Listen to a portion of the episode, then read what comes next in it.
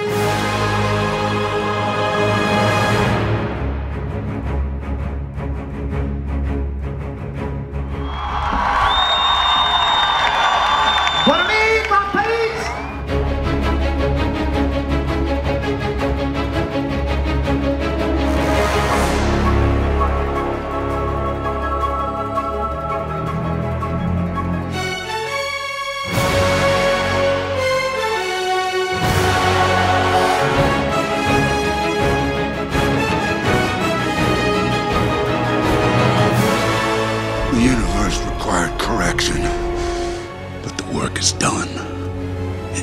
always will be.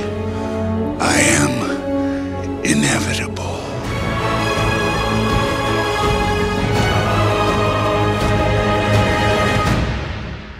Hola, què tal? Benvinguts, benvingudes, som els maleïts malparits, avui amb una missió que semblava impossible, però que per fi, per fi assolim, per si algú va despistat, això és la tercera part de la repassada que estem fent a l'MCU, el Marvel Cinematic Universe, o dit d'una altra manera, el que ha donat de si totes les pel·lícules de Marvel Studios, no en ordre d'estrena, aquest és el petit matís, sinó en ordre de la trama, d'aquesta gran trama que comença amb la primera pel·lícula, el Capitán Amèrica, i que l'últim programa, si us plau, si no heu escoltat, escolteu-los, que teniu ja dues parts ben bones, ben llargues i ben carregades d'informació, acabava amb la Civil War, l'enfrontament entre el Capitán Amèrica i Iron Man, la divisió dels herois, aquesta fractura interna, és a dir, ho vam deixar a dalt de tot, a punt ja per fer la- l'apretada final. La persona que s'ha prestat voluntària per aquesta missió entre suïcida, heroica i èpica de repassada, de fet va, va ser idea seva, la culpa és seva, és ni més ni menys que en Lluís Moreno. Què tal, Lluís, com va?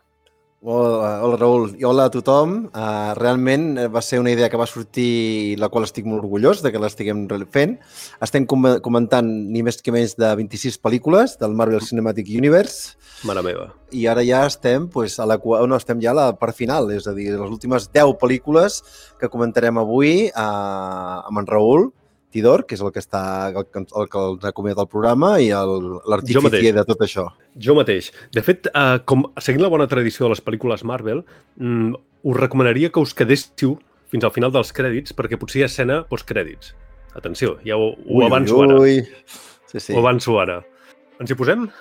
I tant. La primera, que seria avui, el número 16, aquesta justament és una pel·lícula que s'espera aquest 2021, que és la Black Widow, o la Viuda Negra, de la Kate Shortland, que, bueno, eh, en principi, aquesta pel·lícula ha d'anar de què passa. Passa després de Civil War. La Viuda Negra entra a la clandestinitat i a partir d'aquí doncs, són les seves peripècies.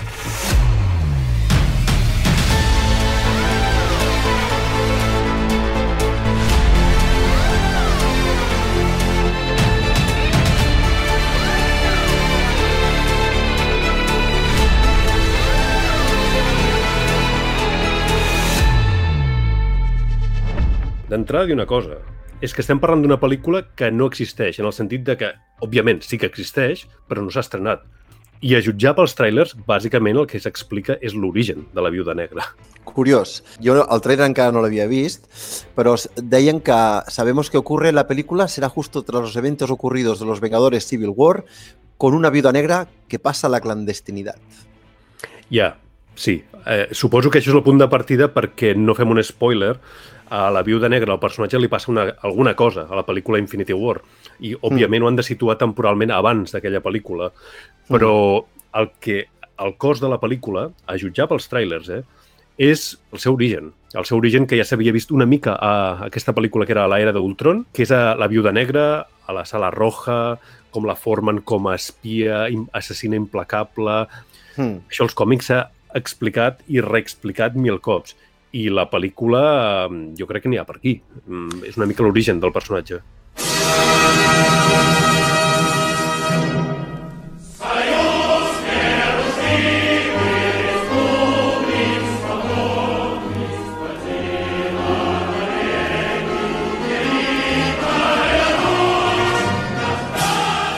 A la Viuda Negra sempre és un personatge que m'ha despertat com, com una diguem, com bipolar per mi. Hi ha una part d'ella que m'agrada molt, perquè, evidentment, com passa amb la Liga de la Justícia i Batman, no? que és el personatge que no té poders, està, està treballant fent team-up justament amb personatges com Thor, Hulk, o sigui, estem parlant... Iron Man, que amb l'armadura és gairebé un personatge hiperpoderós, i ella eh, és una cosa que sempre m'ha agradat molt, que sempre troba el seu lloc i sempre força els guionistes que escriuen històries o eh, els guionistes que escriuen, en aquest cas, eh, guions de pel·lícules, a trobar les seves escenes i els seus moments.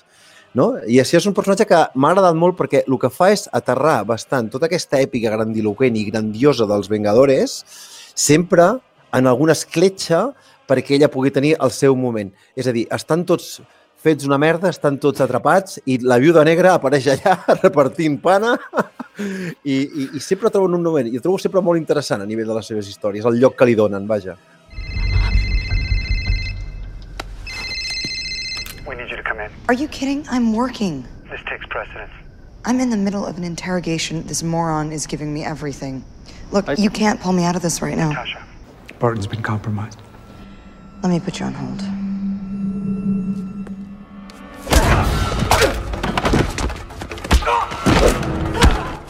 Jo crec que s'ha guanyat els galons. Eh. És a dir, és un personatge que, diguem-ho clar, mai havia sigut un personatge de la primeríssima divisió de Los Vengadores. Sempre havia mm. estat allà, té una història molt llarga, ja en parlarem eh, quan arribem als còmics, si vols. Jo crec que la van triar perquè volien incloure un, un personatge femení, això que deies tu, potser més terrenal. Eh, molts drets dels personatges Marvel els mm. havien venut i llavors jo crec que era per eliminació. És a dir, si haguessin sigut fidels als còmics, el personatge femení que hauria hagut de ser fundador de Los Vengadores era la Vispa, la Janet mm. Van Dyne. Però, sí. clar, fixa't que això dispara els efectes especials a, a un nivell 1000 i el pressupost, mm. per descomptat. Mm. Quina era la segona opció lògica? La Bruja Escarlata, que mm. sortia també, no és fundadora, però surt poc després. Què passa? Tu mateix ho vas dir. És que costa d'explicar una mica els poders que té l'origen. A més a més, com que té aquest origen mitjanament relacionat amb el Magneto, que és mutant i, per tant, no tenia els drets en aquell moment a Marvel, doncs malament, també. I és una opció que, en principi, jo crec que tots ens vam quedar molt al començament de la, la viuda negra. Però, efectivament, a partir d'escenes com les que comentes tu, jo crec que s'ha guanyat els galons i només em sap greu una cosa d'aquesta pel·lícula, que és que s'estreni, esperem-ho, ara, i no entremig precisament de les dues de Vengadores perquè allà encara hauria sigut més impactant. Més raó, segurament, eh, d'aquests trailers que has vist d'explicar els seus orígens. Explicar orígens de superherois sempre funciona i, sobretot, un personatge que el que seria la, el mainstream tampoc el coneix tant. En el món del còmic, la gent que siguin marvelites de fa molts anys ja l'hauran seguit la pista i tot plegat. Marvel no es va atrevir. Aquí va ser una mica poruga i li va passar per davant DC i Warner, perquè no tenien clar, això sí que està més que contrastat, la viabilitat d'una pel·lícula eh, protagonitzada per una heroïna femenina. I DC Warner els hi va passar la mà per la cara amb Wonder Woman, quan el personatge de Viuda Negra estava més que establert a l'MCU. Sí. I sí, ara s'estrenarà, però jo crec que, hòstia, mm, fixa't que quan parlem després d'Avengers, tu pots imaginar perfectament Avengers sense la Capitana Marvel, tranquil·lament. Sí. En canvi, la Vida Negra hauria molat. Perquè, a més, passa, passa una cosa amb la vida negra que m'agrada molt en aquesta, el que seria aquest, aquest Marvel Cinematic Universe i tota aquesta saga enorme que estem parlant. És un bon personatge per engranar personatges. És a dir, sí. trobo que el, el, les, la, el treballen molt bé a nivell de, de, de guió i a nivell de trama perquè linka personatges i perquè eh, t'acosta una mica la humanitat que tenim les persones. Encara que sigui una superespia entrenada, freda, no sé què, les seves opinions, la seva impotència a l'hora de trobar-se amb aquestes... Estem parlant del Thanos, ja arribarem, però estem parlant de semideus. Doncs clar, ella, gràcies a ella, l'espectador eh, pot Eh, a una mica de, de, de, de, de dimensió, d'escala del que està passant. Perquè al final, si surt el tor i tots són déus i tot plegat, l'escala queda com molt amunt, la vibració és molt alta. Però després, personatges com ella, l'Ojo del Con també tindria aquesta feina i la fa molt bé també en el seu aspecte, però la Viuda Negra sí que realment eh, passa moments molt, cru, molt durs, molt foscos, sobretot després d'Ultron, de, després de Civil War, i el que ella representa a nivell anímic realment és, eh, és, és, realment és molt important perquè la, la gent que segueix la saga arribi i empatitzi. O sigui, que realment molt ben jugat Viuda Negra i molt ben jugada el que seria la saga. What did you dream? That I was an Avenger. That I was anything more than the assassin they made me. In the Red Room, where I was trained, where I was raised, um, they have a graduation ceremony. They sterilize you. It's efficient. Makes everything easier. Even killing.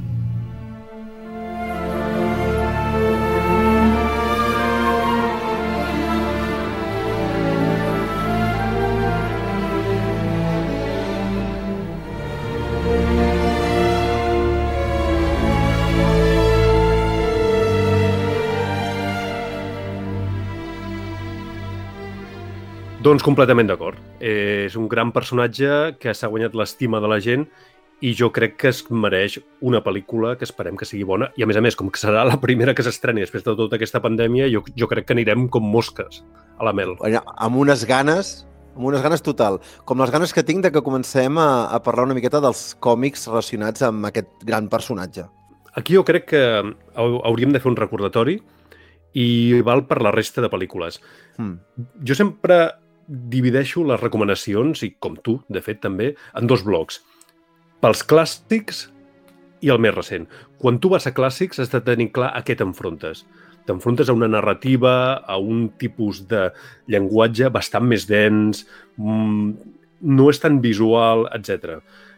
I les interpretacions més, més recents el que fan és veure bastant de les pel·lícules. Val la pena recordar-ho perquè aquí tens les dues opcions. És a dir, si tu el que vols és anar a l'origen de la viuda negra, eh, és un personatge que surt a Iron Man i surt amb un vestit de color porpra, de color lila, i era una superespia que roba eh, secrets industrials al Tony Stark. Fliparies. Va tornar a sortir a Spider-Man, em sembla que era Amazing Spider-Man, i es posa una mica el traje negre aquest que porta uh, habitualment i que, per cert, està molt influït, per exemple, de Los Vengadores, no la pel·lícula, sinó la sèrie, uh, de Avengers, de la, la Emma Peel, tot això. Tot aquest origen ho teniu recollit en un tomito d'aquests de Marvel Heroes que valien 10 euros, que es diu Red d'Intrigues, on hi ha aquestes històries inicials i, a més a més, hi ha la història fundacional, diguéssim. Una mica l'origen de la Viuda Negra, però una mica més digerible, que és el uh, Marvel Fanfare del Ralph Macchio, res a veure amb Karate Kid, per si algú hi anava fort i el George Pérez, que és un dels grans autors dels anys 80, i aquí s'explica la viuda negra, a Shield la volen reclutar i com la volen reclutar fent una cosa que els còmics dels anys 80 feia molt sovint és abans de reclutar-la, expliquem qui és, en detall, Mm. òbviament. Mm. Expliquen que és la Natasha Romanov, o Romanova, depèn de, de com, mm. Mm. del dia, uh, que des, és una descendent dels SARS, el Guardián Rojo, que és una mica el, el Capitán Amèrica, la versió russa, Sí. als còmics era el seu marit. Aquí, a la, a la, al trailer de la pel·lícula, és el, el xèrif de Stranger Things, Ostres. que no, no sembla el seu marit, sinó que sembla més aviat un, una figura com protectora, com un mestre, etc. Paternal, sí. T'explica això, com va canviar de bàndol, etc etc. Això està bé i es pot trobar en aquest Marvel Heroes on ha sortit fa res, una, una edició, que a més a més hi ha una història del Paul Gulassi en blanc i negre que, que està bé. I expliquen aquestes històries, jo no els he llegit, per això t'ho pregunto, explica d'on li ve el nom, Viuda Negra? No ho recordo. Suposo que, eh, evidentment que sí, però bueno, tampoc no té massa misteri. Vull dir, és, la viuda negra és una aranya, vull dir, és una aranya Mm. mm. letal, doncs eh, suposo que, que va, va per aquí la cosa. Jo no he sigut mai molt fan de la viuda negra, Mhm. tot sigui dit. És un personatge que no ha tingut mai col·leccions molt llargues, sinó que hi ha moltes minissèries. Funciona com el personatge mateix en si, la seva letalitat a les distàncies curtes. Mm. Jo us diria, si voleu origen, teniu aquest uh, Ralph Macchio, George Pérez, uh, superclàssic. Si voleu el mateix, però una mica més actualitzat, jo us recomanaria la versió que van fer per uh, la línia Max, que era una línia més adulta, on hi havia el Punisher sí. i d'altres. Allà hi havia una super allò, minissèries que es troben uh, guionitzades per el, com es deia, Richard Morgan, el, és el guionista d'Altered Carbon, Carbono Alterado, mm. que hi ha una sèrie a Mm. Netflix, Sí. i dibuixades pel Viril Sienkiewicz i el Goran Parlov, que són dos cracs, i el Sean Phillips, si no recordo malament, i és el mateix, vull dir, l'origen, la sala roja, etc, però hi ha un to més adult. I si voleu coses més recents, hi han tres, un trio d'assos que, no, que t'asseguro que són apostes segures. Tens la minissèrie que van fer amb el Soldado d'Invierno, Mm. uh, que van fer l'Ed Brubaker, que ja n'hem parlat uns quants cops, ha sortit, ha sortit l'Ed. Sí, Batch sí. Guys i tot això, és el bueno, és una mica el team-up que té amb el, el Soldado d'Invierno. Acaba de sortir l'integral, per tant, està, torna a estar disponible. És impecable, és eh, espionatge, etc. L'etapa del Nathan Edmondson i el Phil Noto, que també és, bàsicament, és viuda negra més eh, espia internacional, amb un estil, el Phil Noto, super maquíssim, pintat, com pintura, Mm. I l'etapa més recent, la del Mark Waid i el Chris Samney, és molt sorprenent, perquè tal i com van fer amb Daredevil, agafen, li donen llum al personatge amb un to més cartoon, més aquest estil Marvel Now de l'Ojo de Halcón del David Hayal Fraction, per exemple, Mm. i tornen a explicar una mica el mateix, l'origen, la sala roja i tot plegat, però molt més lluminós. Jo crec Clar. que amb tot això és que n'hi ha, ha per triar. Hi ha més, eh? Hi ha desenes de, de minissèries, i a més ara amb la pel·lícula s'han reeditat, però jo crec que amb aquestes jo crec que pot ser una idea bastant clara de, del personatge. Doncs, bueno, si et sembla bé, podem passar a... Mira, aquesta seria la... Hi ha dues pel·lícules que no vaig veure. Una ja va passar, que era Iron Man 3, Mm -hmm. que no l'has vist va- encara? No, no he tingut temps. Però, clar, després de l'anàlisi que li vas fer, Raül, la veritat és que no vas tenir moltes ganes, eh? Vaja. I, I ara ve l'altra, uh, Black Panther, de de, és de l'any 2018, per en Ryan Coogler, i aquesta sí que realment és la que em quedava pendent, i re, realment sí que no veure aquesta pel·lícula uh, va, uh, em, em, va, em va xocar perquè uh, una cosa és, el Black Panther ja l'havia vist, perquè recordem que el Black Panther el presenten a, a Civil War, crec, Sí. Uh, uh, però clar, amb aquestes parlen una mica del seu origen, parla de Wakanda, però clar, de sobte, darrere de Black Panther ja va, van sortir un merder de personatges que jo no sabia d'on venien. Em vaig sentir una mica com, vaya, vaya, vaya, vaya fèria aquí de, de frics que estan apareixent i no sé ni, no sé ni qui són.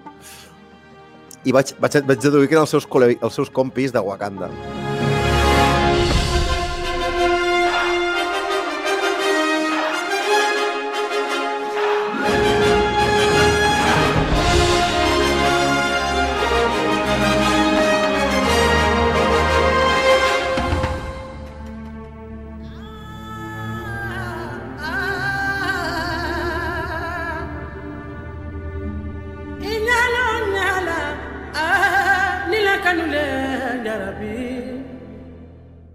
Dic que aquest personatge eh, conec molt poques coses i el que sempre m'ha creat molt, molt l'atenció, per mi el més xulo d'aquest personatge és el seu univers, el seu escenari, Wakanda.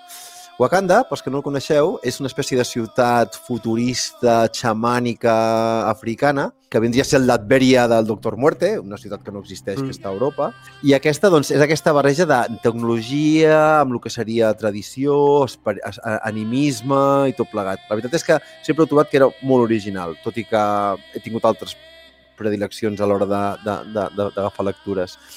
I sé que el, el Black Panther és el descendent, és com el- l'important, no? l'heredero d'Isildur, no? és el que li toca realment l'esperit de, de, de la Pantera Negra, però el que jo no sé, per exemple, és si aquest tio té poders o si tot ve del traje, o sigui, no conec gaire els seus orígens en aquest, en aquest sentit. Tornem al mateix que amb la Viuda Negra. Jo no sóc un gran fan de Pantera Negra. Jo, pel que vaig entendre, el traje li potencia els poders, però hi ha com una mena de, de, de, de flor, de planta mística que connecta a les persones d'aquest regne de Wakanda amb els ancestres i amb, en diuen Bast. Recordes? Bast, l'esperit de la pantera. Eh, o sigui, són les dues coses, és a dir, el veure del, el, el líquid d'aquella planta se't potencia en tots els sentits, les habilitats, i a més a més el traje és una mica com el giny tecnològic que acaba de donar-li un punt high-tech. És la barreja de tribal i tecnologia personificat, la Pantera Negra. Vale. A nivell tecnològic, pot, eh, no sé si estic errat, però em sembla que es va, a Wakanda és on van inventar el Vibranium, que és la, el, el que és l'escut del Capitán Amèrica, oi? bueno, inventar, inventar, o sigui, els hi va, representa que és on tenen el vibranium. Eh, tenen Exacte. les mines de vibranium i, de fet, a la pel·lícula t'explica que va caure un meteorit a la, a la nit dels temps i que, com ro- rotllo Mòria, amb els nans, doncs eh, ells van excavant a la Terra i és el metall més potent de, del, del món mundial. Va. Um, la pel·lícula, mira, a diferència d'Iron Man 3, Iron Man mm, ja vaig explicar que vaig ser víctima de les expectatives. hòstia, m'han agradat, Iron Man m'agrada, tal i qual, la tercera no era el que m'esperava, però a més a més em va decebre la resolució. No que no sigui igual als còmics. I en Pantera Negra, potser perquè no anàvem cap expectativa, el cine em va semblar correcte, hi ha coses que m'han agradat, però és una pel·lícula que quan he revisitat m'ha agradat més. Ah, doncs mira, aquesta sí que la veuré, segurament. I m'ha agradat perquè, eh, deixant de banda la tragèdia que va passar aquest any, justament el, el protagonista, el Chadwick Boseman, el T'Challa, va morir de càncer, l'actor, Mm. als 43 anys, que òbviament és una desgràcia. Eh, però si deixes de banda això, trobo que té moltes coses que la fan peculiar. No el fet de que sigui una pel·lícula protagonitzada només per afroamericans i que per això jo crec que té una, una significació uh, important social als Estats Units, etc. És un exitàs de pel·lícula. Sinó justament perquè en alguns casos mm, adopta certs petits riscos. És a dir, per exemple, la banda sonora. Ja saps que a mi m'en- m'encanten les bandes sonores Mm. i aquí el Ludwig Göransson va guanyar justament l'Oscar perquè és el, és el, el, el senyor, bueno, és un noi, és molt jove, el que està fent la banda sonora del Mandaloriano i moltes altres, Mm. um, és un geni. Uh, aquí va agafar una banda sonora amb elements tribals reals d'Àfrica, amb elements uh, tecnològics, i el resultat és espectacular. A més a més, el Kendrick Lamar, el rapero, va fer el coratge d'una banda sonora del seu segell, que de tonto no té un pèl, amb temazos hip-hoperos moderns, mm, però temazos un darrere l'altre.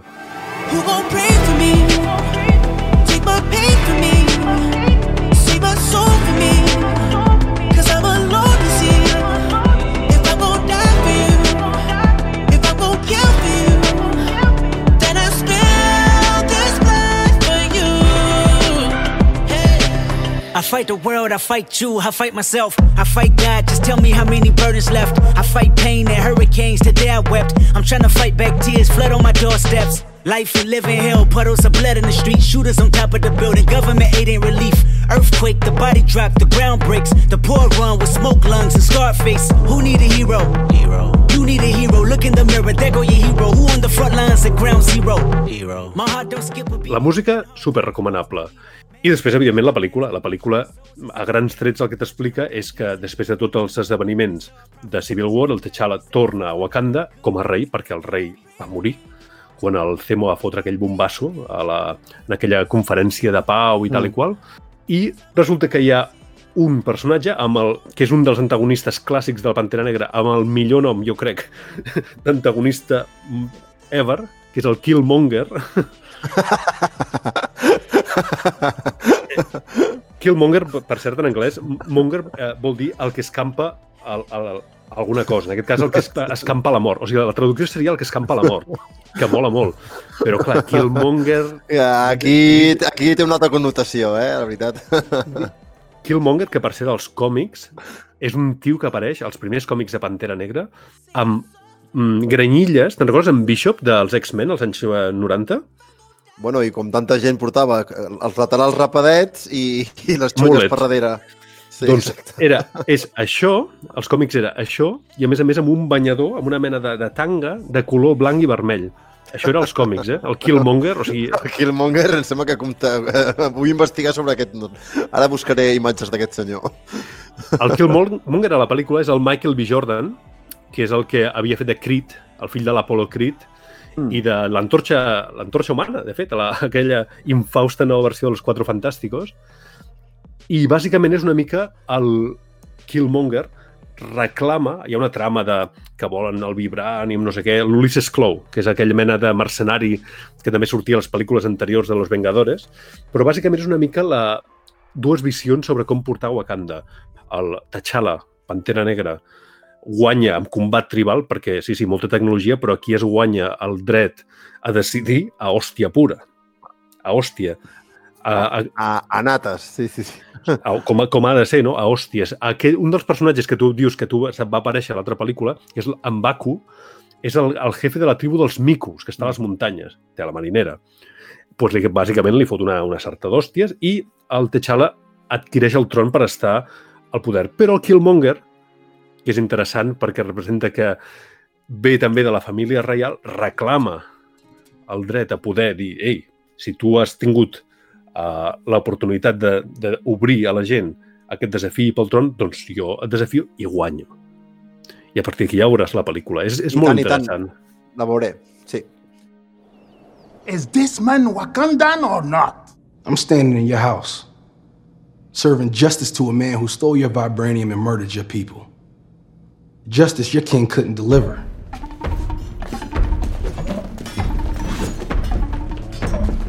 I don't care that you brought Claw.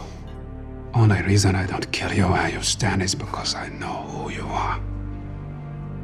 Now, what do you want? I want the throne. Hey, you, the tuna. Ask who I am. You're Eric Stevens, an American black operative, a mercenary nicknamed Killmonger. That's who you are. That's not my name, princess. Ask me, king. No. Ask me. I'm exercising my blood right. The challenge for the mantles of king and Black Panther. Fes-ho per en Killmonger. Ho faré per Es en menja. Killmonger. Eh, Estàs Es menja veient... amb carisma, eh? Es menja en carisma el Killmonger al T'Challa, eh? T'he de dir. Vale, vale, ja pot ser, però bueno, perquè és més malparit, és el Vegeta, no? És un d'aquests personatges que no és exactament dolent, perquè el que està reclamant és just. O sigui, ei, Mm. jo també tinc sang reial, jo... però després una mica el seu... la vida l'ha dut per una banda, l'ha dut al lado oscuro, d'acord? Mm. I tota la cort aquesta de, de Wakanda, la Shuri, que és la germana petita del, del T'Challa, que és un geni tecnològic, les Dori Milaje, les, la, aquesta mena de guàrdia pretoriana de Wakanda és Sí. superinteressant. Té un punt, eh? Té un punt la pel·lícula de James Bondia en alguns moments i és, és una barreja de gèneres molt curiosa i a més a més, eh, si la veieu en anglès, no sé com era aquí la versió doblada, parlen amb accent africà, amb anglès amb accent africà. És molt curiós.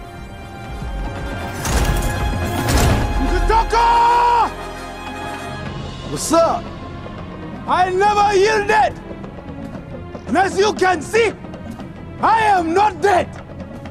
All that challenge shit is over with. I'm the king now. Maybe the night that my tears might let me know all the stars are those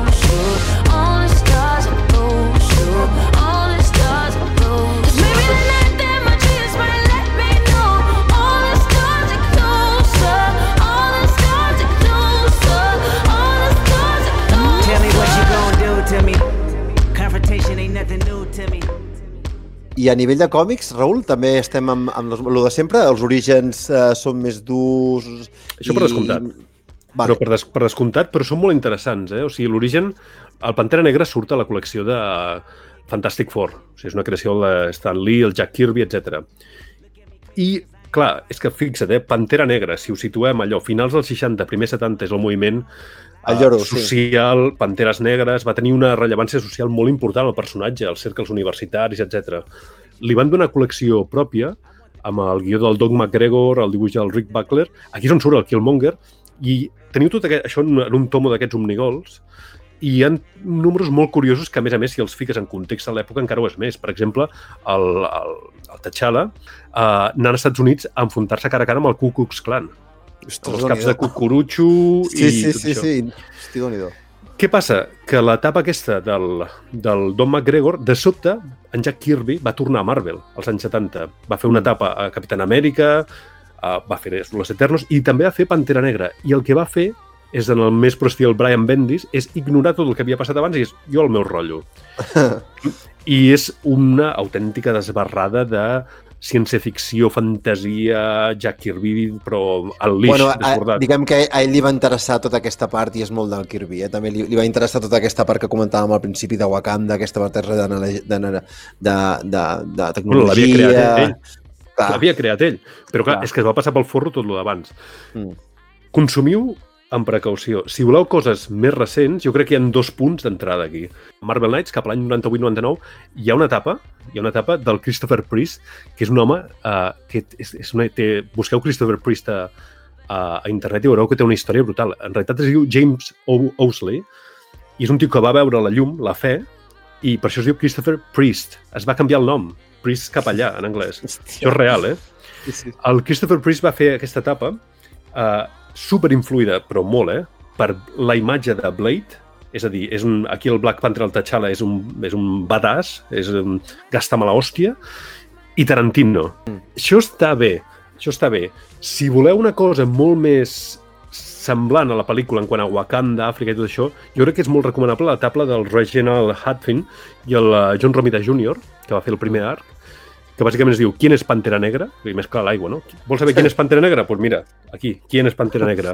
és Aventures a Wakanda. És a l'època pre-Civil War a la qual el T'Challa es va casar amb la Ororo, amb la Tormenta. Sí, la Laura Monroe, la, la líder durant moltes vegades de la Patrulla X o els X-Men. que té sentit. Aquesta està bé. Jo recomano que no tota l'etapa, perquè el Reginald, no Hatfin, sinó Hatlin, que, que ho he pronunciat malament, eh, se li va una mica, però el primer tomo, el primer volum, el, el, el, el John Romita, super recomanable. El Quin és Pantera Negra. En la línia temporal actual, és que estic una mica perdut, encara estan casats, aquests dos? No, no, no, no. S'han separat ja? Van tenir problemes, van tenir, van tenir les factures a Wakanda pujar molt i clar, comences amb això i... I no, no, no es van entendre, eh? No es van entendre. No es va, no. Quin greu. Mira que fèiem bona parella, eh? Home, era, era lògic, sí, sí. L'última etapa mm, que ha tingut molt ressò és la, la guionitzada pel Taneshi Coates, que és un, un, un novel·lista afroamericà també. Jo no l'he llegida, aquesta, uh, però aviso para navegantes. La etapa que es troba ara mateix recopilada en tomos és com si diguéssim el volum 2 del Taneshi Coates. El primer volum era molt més polític, molt més greu, no? Uh, insurrectes, terrorisme a Wakanda, molt lligat amb l'actualitat. Però la que trobeu ara uh, recopilada en tomos aquests etapes semidura és el volum 2 i és aventures uh, molt a la línia de la pel·lícula, amb el look de, dels personatges com els actors i actrius de la pel·lícula, però passa a l'espai exterior.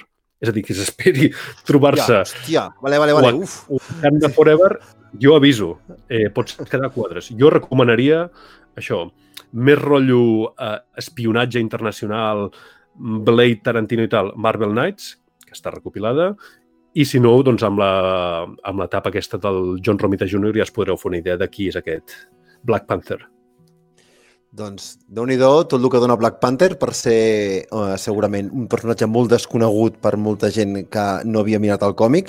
La gent que tant. havíem llegit Marvel ja més o menys ja el, te l'esperaves o no te l'esperaves o quan apareixia et feia com gràcia, però per la gent que no sabia res, realment és una gran descoberta perquè és molt original tot el que va al seu voltant. I bueno, seguimos para bingo, a la número 18. Spider-Man Homecoming, 2017 per en John Watts. Let's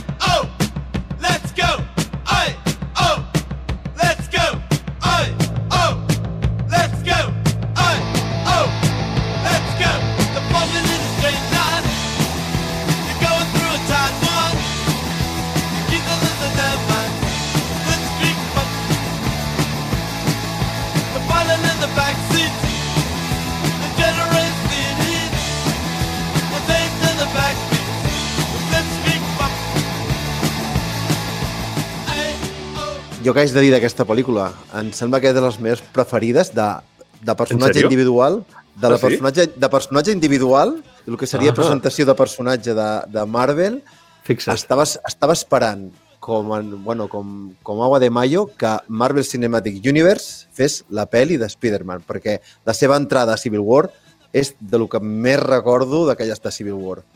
Gran, gran pel·lícula. La vaig trobar tan divertida, molt divertida. El personatge trobo que la interpretació que li fan és, és la- la- l'ajustada. La, Peter Parker. Jo aquí vaig veure realment el Peter Parker. Necessitava... Uh -huh. Perquè l'Spider-Man, vulguis que no, ja, al final ja, ja saps com és. És a dir, el, és un tio que es mou, que salta, fa xistes, però al final la clau, la clau és fer bé el Peter Parker. I en aquesta pel·lícula està ben fet.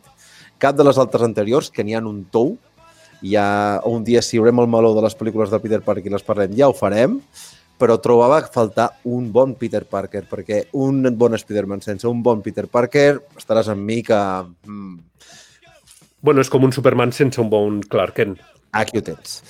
Evidentment, la pel·lícula és bona, Michael Keaton està super, super bé en la pel·lícula, m'agrada, m'encanta aquesta relació que es forja entre eh, Tony Stark i, i Spider-Man, no? aquest padre, l'altre el fill que no ha tingut i l'altre Sí. el pare que no ha tingut, o sigui, està clavadíssim, o sigui, molt ben fet. S'ha de dir que a, a Civil War, el còmic, eh, ja Sí, l'havien començat a tantejar, ja estava Sí, per aquí.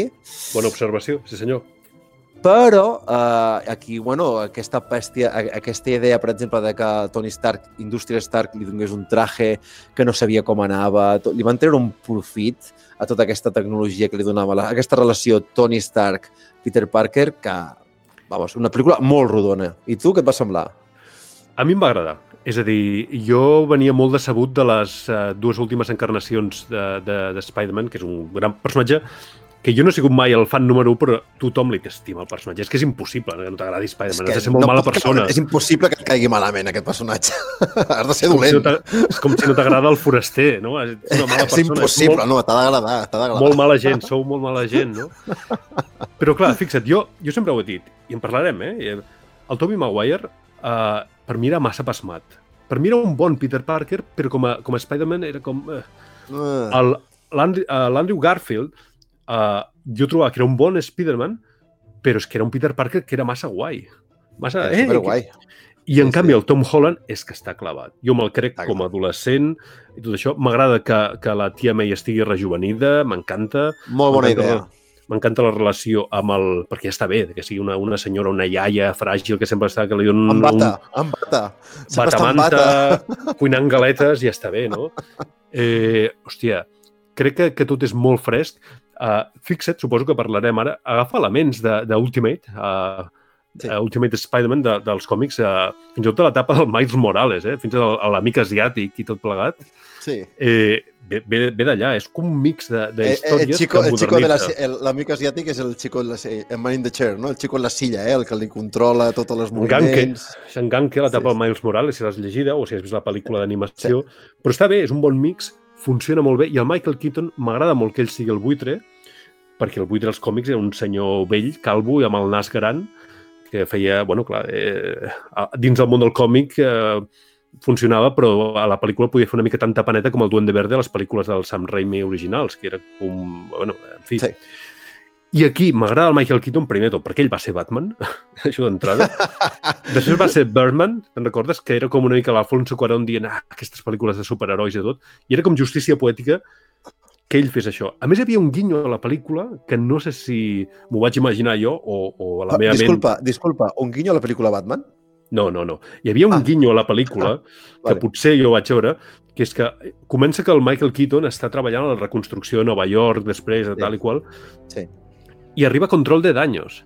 Damage Control era una sèrie de, que hi havia als anys 80, oblidadíssima, hiperdeculta, que bàsicament era això, una agència que anava als llocs on després de que el Hulk i companyia es donessin d'hòsties, doncs que anaven a fer la tassació, no? eren uns pèrits que anaven a fer tassacions de control de daños. I jo em va semblar veure que allò era un guinyo a, a aquella sèrie i em va alegrar el dia, perquè jo era ultrafan de- d'aquesta aquesta sèrie molt boja, molt dels anys 80. Bé per al Tom Holland, bé per a Michael Keaton, la Zendaya també m'agrada, eh, trobo que està molt bé. When you're ready, why don't you try that on? And I'll introduce the world, the newest official member of the Avengers, Spider Man.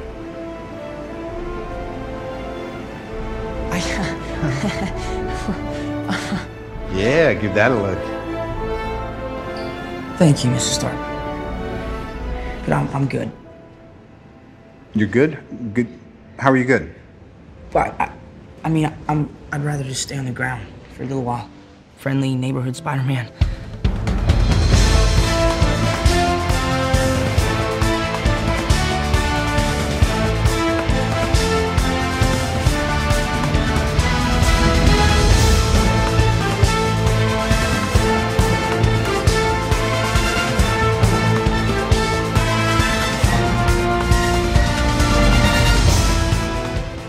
Que sempre hem estat parlant d'aquestes pel·lícules és que eh, l'humor sempre s'ha tingut molt present en l'elaboració de tot aquest univers. Sempre hem parlat de que és que si no, si no es poden prendre tan seriosament aquestes coses. Vull dir, estem parlant Clar. de tios amb malles, de matant déus i, i, i creuant Bueno, la i ara- galàxia. I arribarem, i arribarem quan es prengui seriosament, i és molt sèrio quan es pren seriosament, eh? I Sí, ho és, ho, és, ho és, però sí que realment necessites una mica, pues, pues, el sentit de l'humor ha estat una gran eina en, en el que seria l'elaboració dels guions d'aquestes pel·lícules i, Sí, sí. i tot, i aquesta pel·lícula fa pixar de riure. O sigui, jo me'n recordo de veure, la, la, la vaig veure en un viatge a Filipines, uh, anava amb, una, amb un avió i estava rient sol. O sigui, hi havia gent al meu voltant que anava dient, però aquest tio, què, què, li, què li passa? perquè és que realment és molt divertida, un gag darrere de l'altre.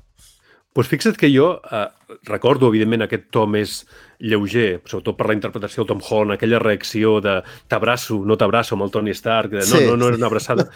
Però a mi em va quedar més l'escena en què el Peter Parker va a sopar amb la noia està sortint, i resulta que el pare és el Michael Keaton i en Michael Sí. Keaton se n'adona.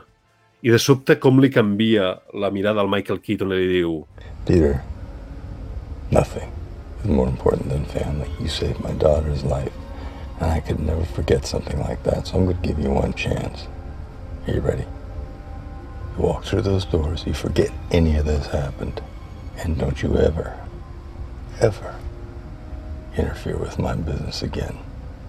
Because if you do, I'll kill you and everybody you love. I'll kill you dead. That's what I'll do to protect my family, Pete. Do you understand? Perquè el Michael Keaton és un actoràs. Sí, sí, sí, sí, sí. sí. està molt bé, Molt està bé. molt guai. Uah, còmics de Spider-Man, nois. Família. Uh... Bueno, a veure, no. no. Més que còmics de Spider-Man, jo crec que aquí jo crec que hem intentat buscar si us va agradar aquesta pel·lícula, quins sí. punts d'entrada són els bons. I hem dividit una mica entre aquesta pel·lícula i la segona. Sí, perquè m'agradaria dir que, no sé, diria que de, del, de Marvel deu ser el, el personatge que té més sèries, més còmics, amb diferència en tota la resta. Deu, deu tenir, uf, només us dic, quan van fer tota la línia Ultimate, ja vam parlar en el seu moment, potser que va ser als anys 2000, allò que vam explicar fa un temps, amb en Bendis i companyia, que van dir anem a fer un Marvel actualitzat per la gent que no ens podia haver seguit, potser portava més de 400 números de Spider-Man de la sèrie regular. És el, la insígnia, l'emblema de la companyia. És, sí, pot haver-hi Lobez, no Patrulla X, el que vulguis, però Spider-Man és, és el, com a personatge singular, és que és ell. Total, si passava alguna important a Marvel, l'Spider-Man havia de ser-hi. Sí o sí.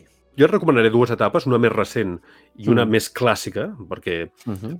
òbviament, vull dir, si algú vol començar a llegir Epic, no? Missió èpica, Spider-Man des del començament, doncs s'agafa Stan Lee, Steve. Ditko Sí, i endavant.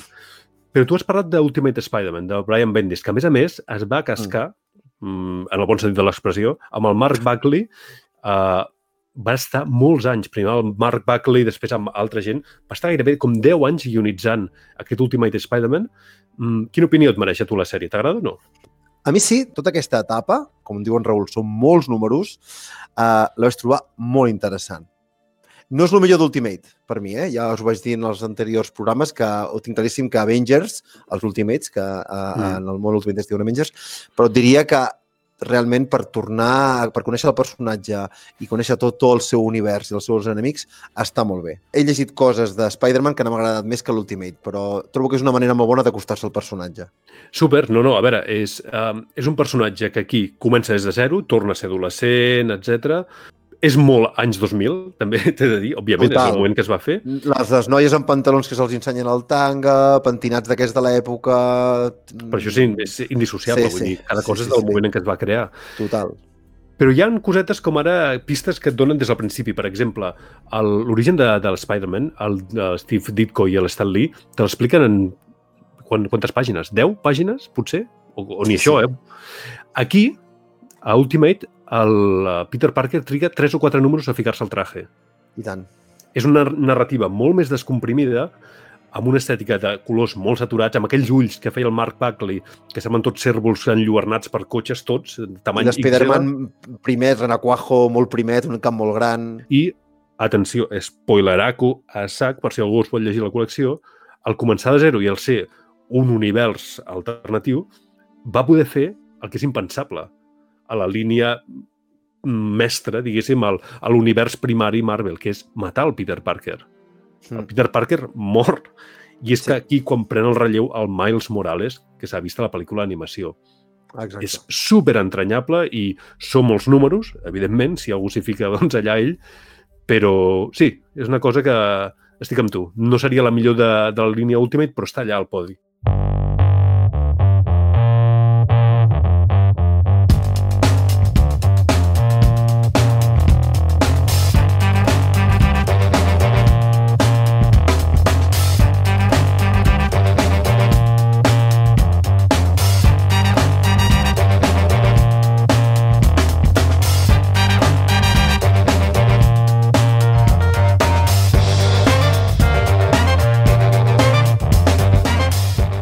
Una persona que escriu molt bé Spider-Man, en sap molt, i sap Michael Straczynski.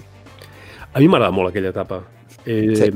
És una etapa que te- teniu a Marvel Heroes, a Tomos de 10 Aurets, a Marvel Saga, és a l'Spider-Man al voltant també de l'any 2000, però a l'univers tradicional Marvel, i aquí l'Straczynski, que venia de fer Babylon 5, i, uh, com es deia, Midnight Nation, uh, Sí. Rising Stars, etc. Uah, vaya parell, eh, que acabes de dir. A mi Midnight Nation m'agrada molt, eh? Midnight Nation està molt bé, és raruna, raruna com el copón, però Rising Stars és... Sí, és, és una mica... Se li va anar la mà, però bueno, ja li passa amb això, amb les 300 vegades. No, però és un escriptor que, que té ofici i aquí... I tant. Venia, l'Spider-Man venia de moments molt xungos, eh? El John Byrne havia intentat fer el capítol 1 o episodio 1, que era com un tornar a explicar els orígens, no se'n van sortir... Uh, estava molt perduda la col·lecció i va prendre decisions. Per exemple, uh, va fer que finalment creixés, és a dir, tornava, a ser, tornava al seu institut on havia estudiat per ser profe. Hi ha el mític capítol de l'11 de setembre, que l'atemptat de les Torres Bessones, amb la portada en negre del còmic, que l'Spider-Man i tots els herois de sobte veuen això, les Torres Bessones enfonsades, se't fica la pell de gallina llegint aquell còmic. Encara ara, eh? Molt bo. Sí, sí, sí, tant. Crea nous personatges, com el Morlum, aquesta mena d'entitat que xucla uh, aquest poder totèmic que crea l'Straczynski, perquè canvia una mica els orígens. Diu que sí, sí, li va picar una aranya radioactiva, però hi ha temes xamànics al darrere, no? És com un Mm. tòtem de l'aranya i tal. L'Ezequiel és també de, emotiu al màxim. John Romita Jr. dibuixant a nivell 10, al seu pic màxim. És, és que, a veure, estem... Sí, és que li va com anillo al dedo. Només has de veure com dibuixa el John Romita Jr. Kikas, per exemple, sobretot quan, quan, quan Sí. tenia ganes de dibuixar-lo. Eh? Després es va cansar i va començar a fer xupa-xups, que semblaven les persones, més, Sí. més de persones, però realment és que hi ha dos grans dibuixants de Spider-Man. Un és en Romita i l'altre, evidentment, és en el de Spam, com es diuen? McFarlane, ja en parlarem En després. Mac, sí, McFarlane. Quina és la putada d'aquesta etapa? Que va començar molt bé, però a partir de les ingerències editorials, després de Civil War, que jo crec que se'n van sortir amb nota, i amb, amb nissagues que no sé si de les has llegides, però són molt recomanables, com aquella de Back in Black, que es torna a ficar el traje negre De per repartir Negro. llenya, Vuelta al Negro està molt bé. per repartir hòsties, bàsicament. és una cosa que sempre s'agraeix. Mm. Eh, però és que al final, tio, eh, hi han dos nissagues que van deixar-ho tot pel terra. Una es deia, es deia Pecados del Pasado, en la qual també per retrocontinuïtat es deia que el Norman Osborn havia com gairebé violat a la Gwen Stacy havia tingut una filla amb ell. Una cosa espantosa. Hòstia. I després el famós Mephistazo, que si no sé si n'has sentit parlar mai. Què van fer amb el Mephisto? No. No saps què van fer? No. Doncs bàsicament, eh, per Marvel sempre havia sigut una, un problema que el Peter Parker s'hagués casat, perquè casar-se significa que et fas gran. Clar. Molta gent deia, home, per això heu creat la línia Ultimate, que aquí teniu un Peter Parker adolescent i tot això. I en aquest cas el Joe Quesada, que era el director edito- editorial de Marvel i d'aquella època, sortit de Marvel Knights i tot això, va prendre la decisió. Mm, lo va hacer un mago. Eh, és una nissaga en la qual eh, aquí l'Straczynski es va negar a, a fer-ho, va sortir a la col·lecció, i el Mephisto, bàsicament, dispara a la tia May i per salvar-la arriba el Mephisto, que també no, no és un personatge que tingui especial relació amb Spider-Man, i li diu, si vols salvar aquesta senyora, vull l'amor pur que sents per la Mary Jane i, per tant, trec, esborro de la història el vostre casament. Mai us haureu co- conegut Hòstia, això. Sembla És un dir, colabrot, això. Sembla un colabrot. Bueno, és reset. Van apretar el botó de reset i, bàsicament, de la manera més absurda possible, el dia següent, el Peter Parker es torna a despertar amb la tia May, que és una senyora gran amb bata fent galetes, ell va a l'institut i el Harry Osborn, tot això, i no ha passat... O sigui, tota la continuïtat d'abans, Hòsties. Uau. la gent es va emprenyar moltíssim, després ho van mig arreglar, però aquell reset encara dura avui en dia, eh? Però no van fer-ho també perquè a Civil War recordem que va dir qui era? Va revelar que Spider-Man era el Peter Parker? Per això, per això. Després d'això ja ningú se'n recorda. Clar, és que clar, és que és això. Vull dir, aquí es Reset. trobaven, dos, put... es trobaven dos putades. Primer, que, que estava casat i ja no molava perquè ja no era l'eterno adolescente. Clar. I segona, que Civil War, amb un cop d'efecte, que és de lo millor de la sèrie... eh, En parlem sovint perquè realment val molt la pena que ho llegiu, eh? El còmic, el Mhm. tio va dir als mitjans qui era, Sí, sí. amb una, amb una jugada mestra. Però és que fixa't, eh, l'Straczynski fent-lo créixer, fent-lo fent de profe i tot això, funcionava perfecte. Aquí van tirar pel dret. Eh, a partir d'allò va sortir una etapa que en parlarem després, que és la del Dan Slott, però realment és lamentable. Encara ara llegida com a història, és que no, no té ni cap ni peus, no té justificació. Per sort d'això no està a la pel·lícula Homecoming, i per tant, amics, si voleu una etapa moderna, Straczynski, Ultimate, i si teniu etapes clàssiques teniu la de Steve Ditko o fins i tot la primera etapa del John Romita Jr. a la col·lecció amb el Roger Stern, amb, te'n recordes aquells números mítics de Nada, Nada puede parar al Juggernaut, la presentació del Hobgoblin, tot això, el programa de les drogas del Harry Osborn, no? Sí, el problema de drogues, pobre noi. Pobret. Pues- Però tot això doncs- està disponible i en trieu. Teniu centenars d'històries. Bueno, és que justament acabem de parlar d'un dels grandes de, de la Casa de les Idees, no? que se'n deia llavors, encara es diu de tant en tant, de Marvel. Sí, sí, i tant. I dit després de Spider-Man, del gran Spidey... De los anem a la grandes a los pequeños. De los grandes- Exacte, més ben dit. A la número 19 ja tenim Ant-Man i la Vispa, del 2008, d'en Peyton Reed.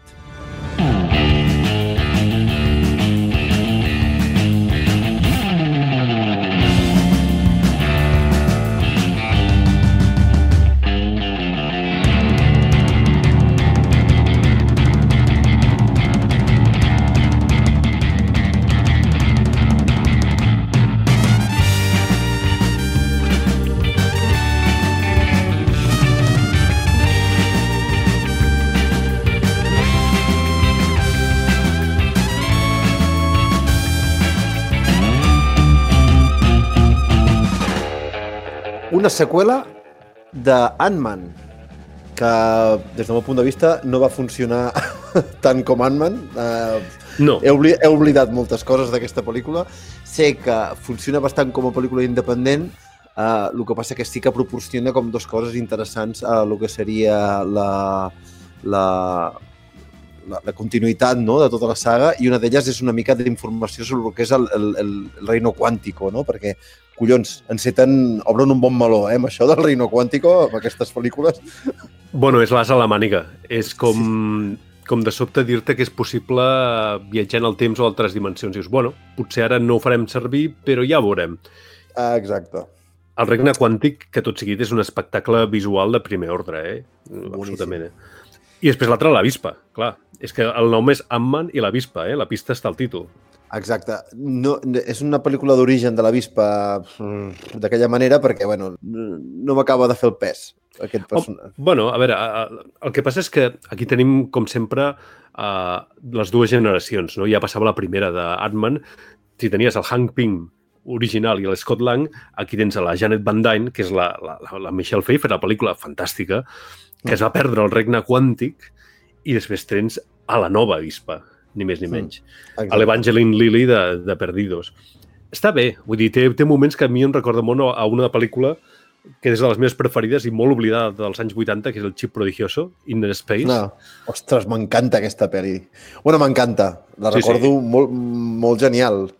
Sí, sí, molt divertida. Pues no sé, clar, aquí és un perill si la vols tornar a veure o no, que en si era un homenatge a Viaje Alucinante, aquella pel·lícula del, dels anys 70 que entraven amb la nau i tot plegat. O fins i tot recorda aquell mitiquíssim còmic de la guerra Kree Skrull, a la qual, precisament, l'home formiga entrava a dins de la visió perquè la visió entrava allò amb un col·lapse a la mansió de los Vengadores, amb dibuix del Neil Adams descomunal. Aquí sí que és veritat que l'Ant-Man no està tan divertit com la primera, ja no és una pel·lícula de, de, del golpe, no? Com la primera que tenia un No. esperit molt clar, que era fer un cop, no? Eh, en plan Ocean Eleven. Aquí és un rescat. Han de Sí, rescatar aquesta persona del la vispa original del, del món quàntic amb el perill que comporta. És a dir, si tu entres al món quàntic, les regles de l'espai-temps canvien. Mm. El Michael Peña torna a estar guai, Lawrence Fishburne...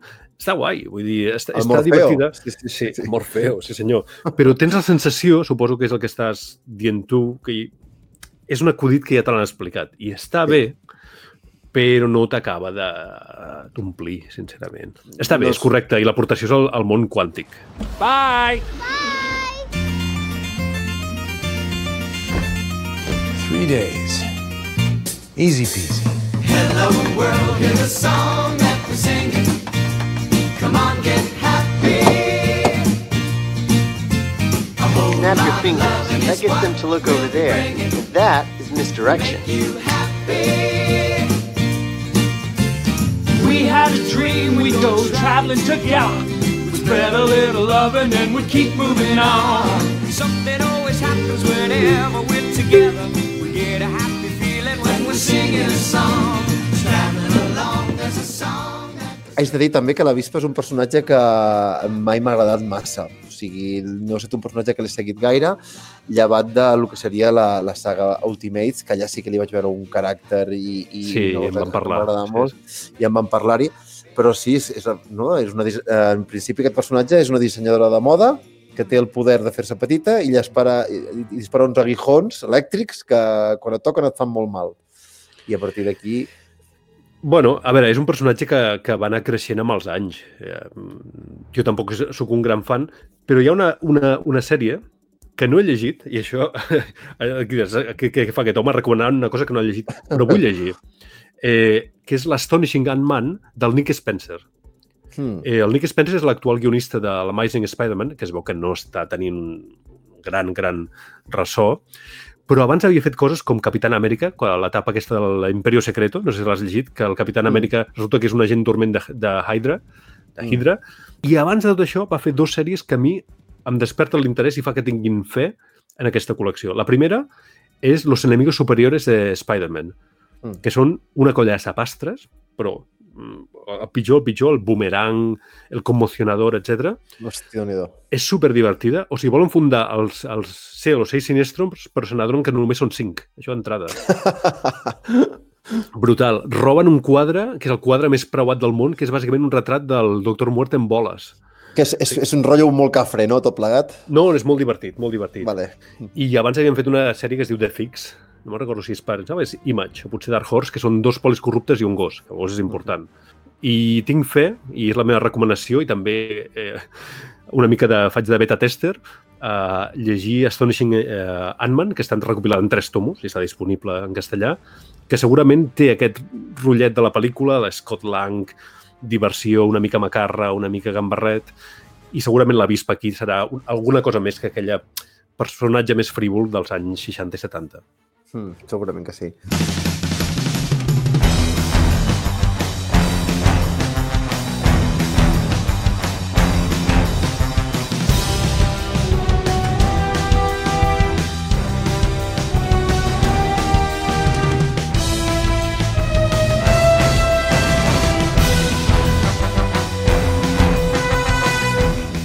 Pues jo d'aquesta pel·lícula, la veritat, i de, i de còmics de la Vispa, la veritat és que no tinc gaire cosa a dir. Sí que és un personatge important de lo que seria... Va ser líder dels Vengadores en algun moment.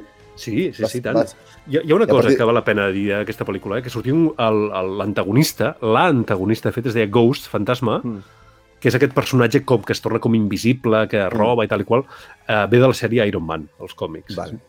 Que era una mica també com la, la, la viuda negra, eh? robant secrets industrials i tot plegat.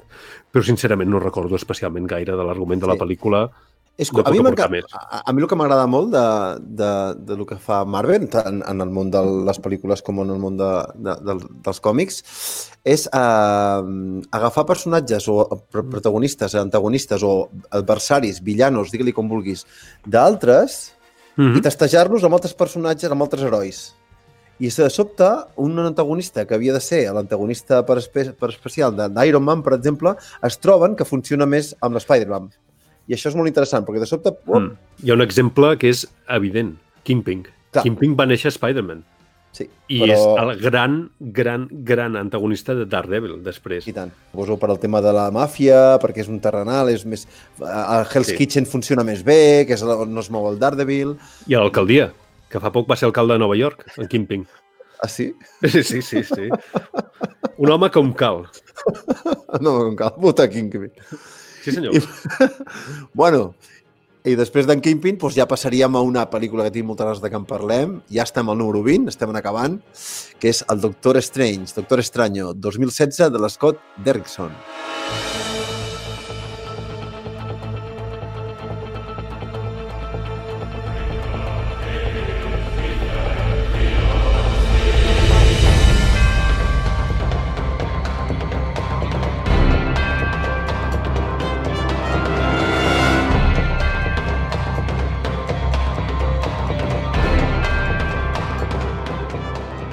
de les més espectaculars. O sigui, a nivell d'art, està...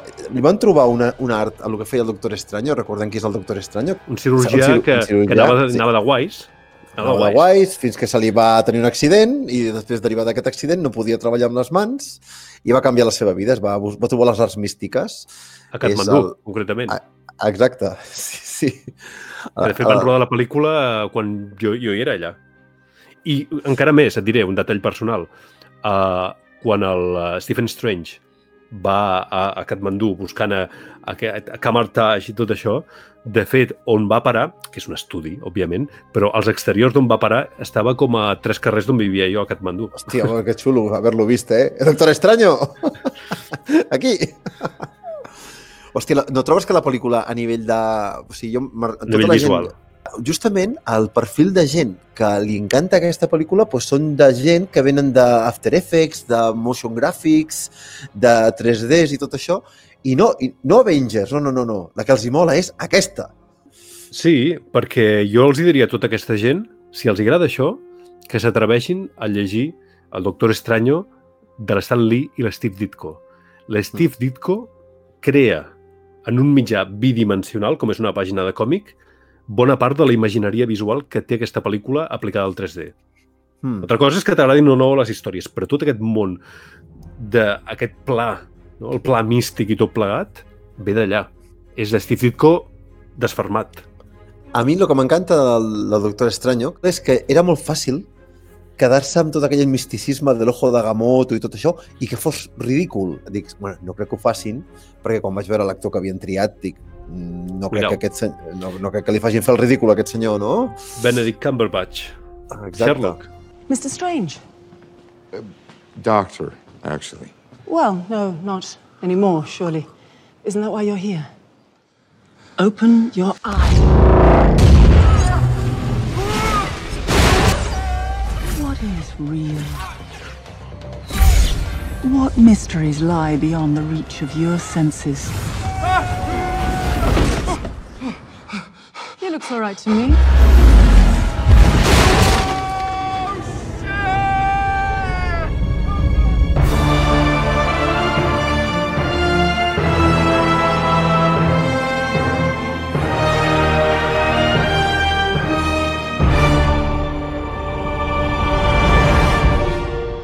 I sí, sí, realment van resoldre-ho molt bé. O sigui, I li van donar un toc d'humor, eh, en, en, van agafar aquesta espècie de misticisme i se'n riuen una miqueta, lo, lo, el, el punt just, perquè el personatge tingui tot el respecte que es mereix. Mira, aquí tornem a tenir un exemple clar. Els fans de tota la vida, que n'hi han, de Doctor Estranyo, en molts casos es van sentir insultats. Com veien el Wong fent aquells acudits sobre el wifi. Et recordes? Sí, sí. Uh, what's this, my monitor? The Wi-Fi password. We're not savages. Wong. What do you want, Strange? Books on astral projection. You're not ready for that. Try me, Beyonce.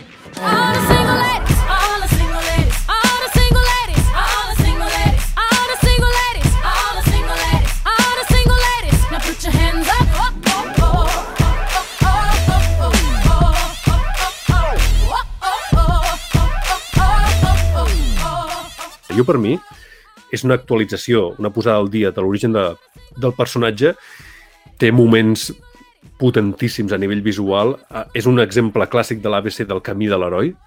El Mordo, el Matt Mikkelsen, que potser està una mica desaprofitat, empalideix, per exemple, amb com resol l'enfrontament amb un dels clàssics del Doctor Strange, amb el Dormammu. Mm. I el fet de tenir la, la gema del temps a dins de l'ojo de Gamoto per poder repetir el loop fins a la fi dels temps, una resolució, ho vaig trobar... Hòstia, li tinc molt carinyo a aquesta pel·lícula. M'agrada Sí. m'agrada molt. Dormammu, I've come to bargain.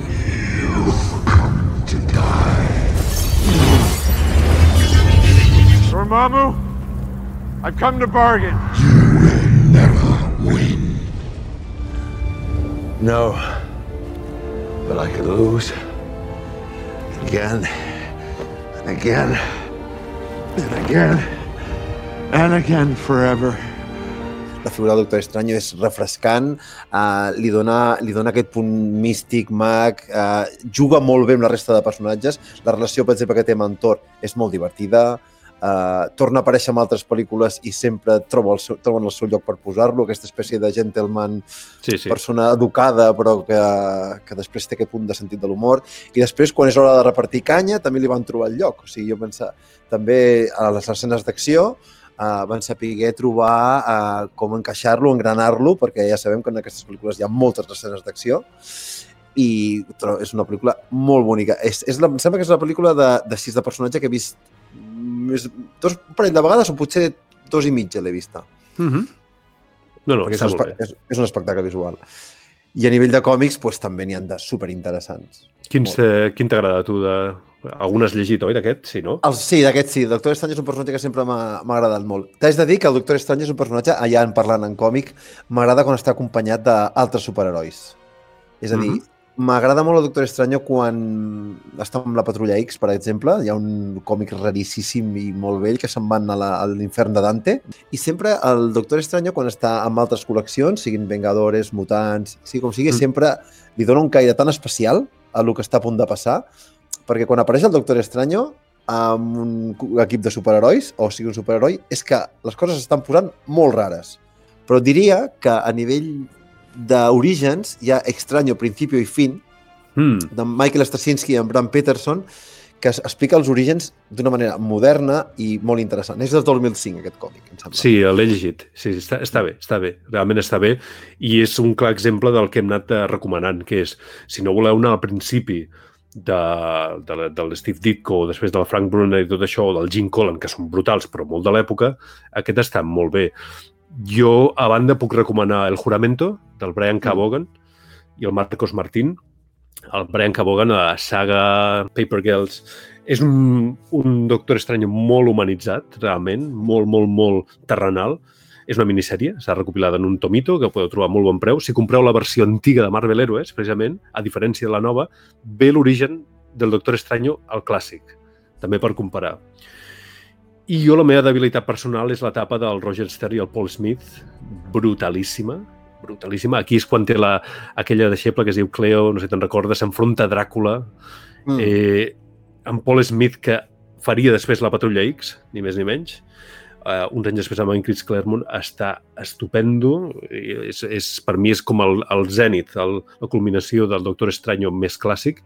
I a més a més, en el tomo, que encara està disponible, uh, acompanya la novel·la gràfica Triunfo Tormento, del Roger Stern i el Mike Mignola, i és maquíssima. És una història feta del Doctor Muerte, que un cop a l'any intenta anar a l'infern a rescatar l'ànima de la seva mare.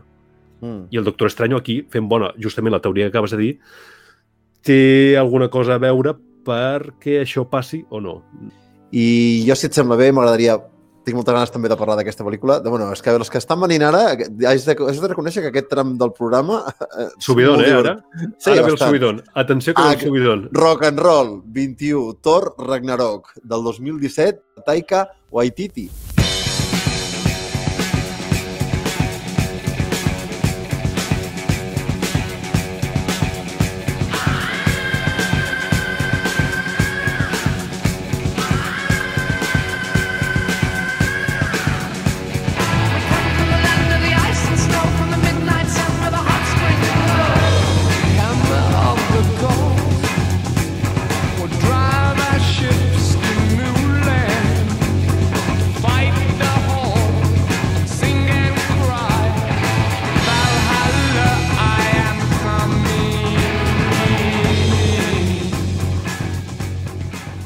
Què et va semblar? Doncs, aquesta també la vaig veure en un avió.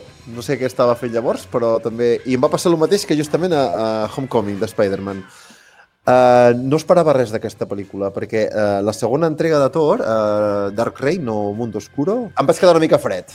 O sigui, no... Ja ho vam comentar, no m'estranya. Sí.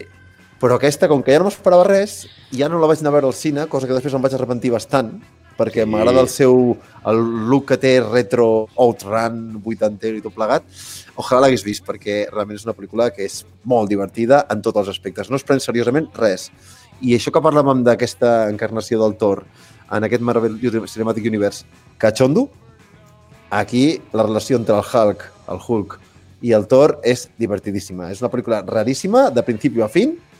Sí que al final han de caure amb, amb perquè si no seria una pel·lícula Marvel, ha d'anar a matar un dolent, Mhm. a, a, a fotre-li les cuentes, a, en aquest cas, a aquella deessa de la destrucció, no me'n recordo ben bé qui era.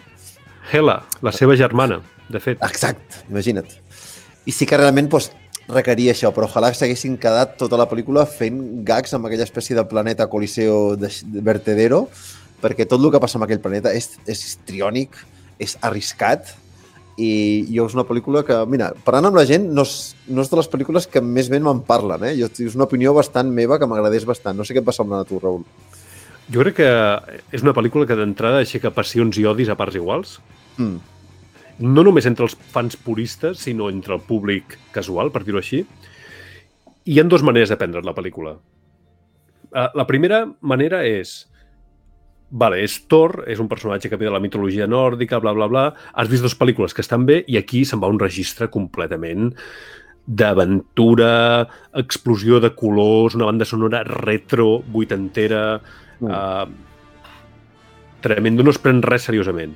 Mm. Clar, això, si tu t'esperes una pel·lícula d'escala èpica a l'uso, mm, et sents una mica decebut, perquè Thor és un personatge que als còmics, hòstia, té sagues molt dramàtiques, molt potents i tot plegat. La segona manera és simplement deixar-te endur. A mi em va passar una cosa molt curiosa amb aquesta pel·lícula. Jo la, la, sí que la vaig anar a veure al cine. Jo he intentat ser fidel a aquestes pel·lícules, a gairebé Oh, totes. doncs, doncs bé per tu. I em va agradar... O sigui, mentre la veia m'ho estava passant molt bé, però alhora em cagava en ella, perquè pensava, hòstia, que divertida que és la pel·lícula, però, per exemple, tota l'entrada el que fa és de construir la saga de Surtur del Walter Simonson. Perquè la saga de Surtur, els còmics d'en Walter Simonson dels anys 80, és ultra mega èpic. I aquí es passa a ser una xufla. La part de l'espai que dius tu és ni més ni menys que Planet Hulk. Sí. És l'adaptació sui generis de Planet Hulk. Sui generis, Clar, per això, eh? És, mm, és que aquí ve, o sigui, jo vaig disfrutar molt, però clar, no es podrà adaptar mai més Planet Hulk. Ladies and gentlemen, Lord of Thunder.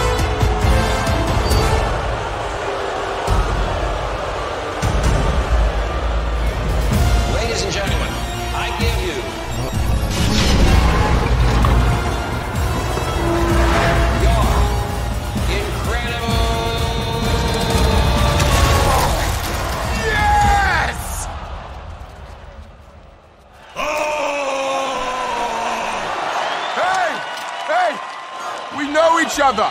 He's a friend from work.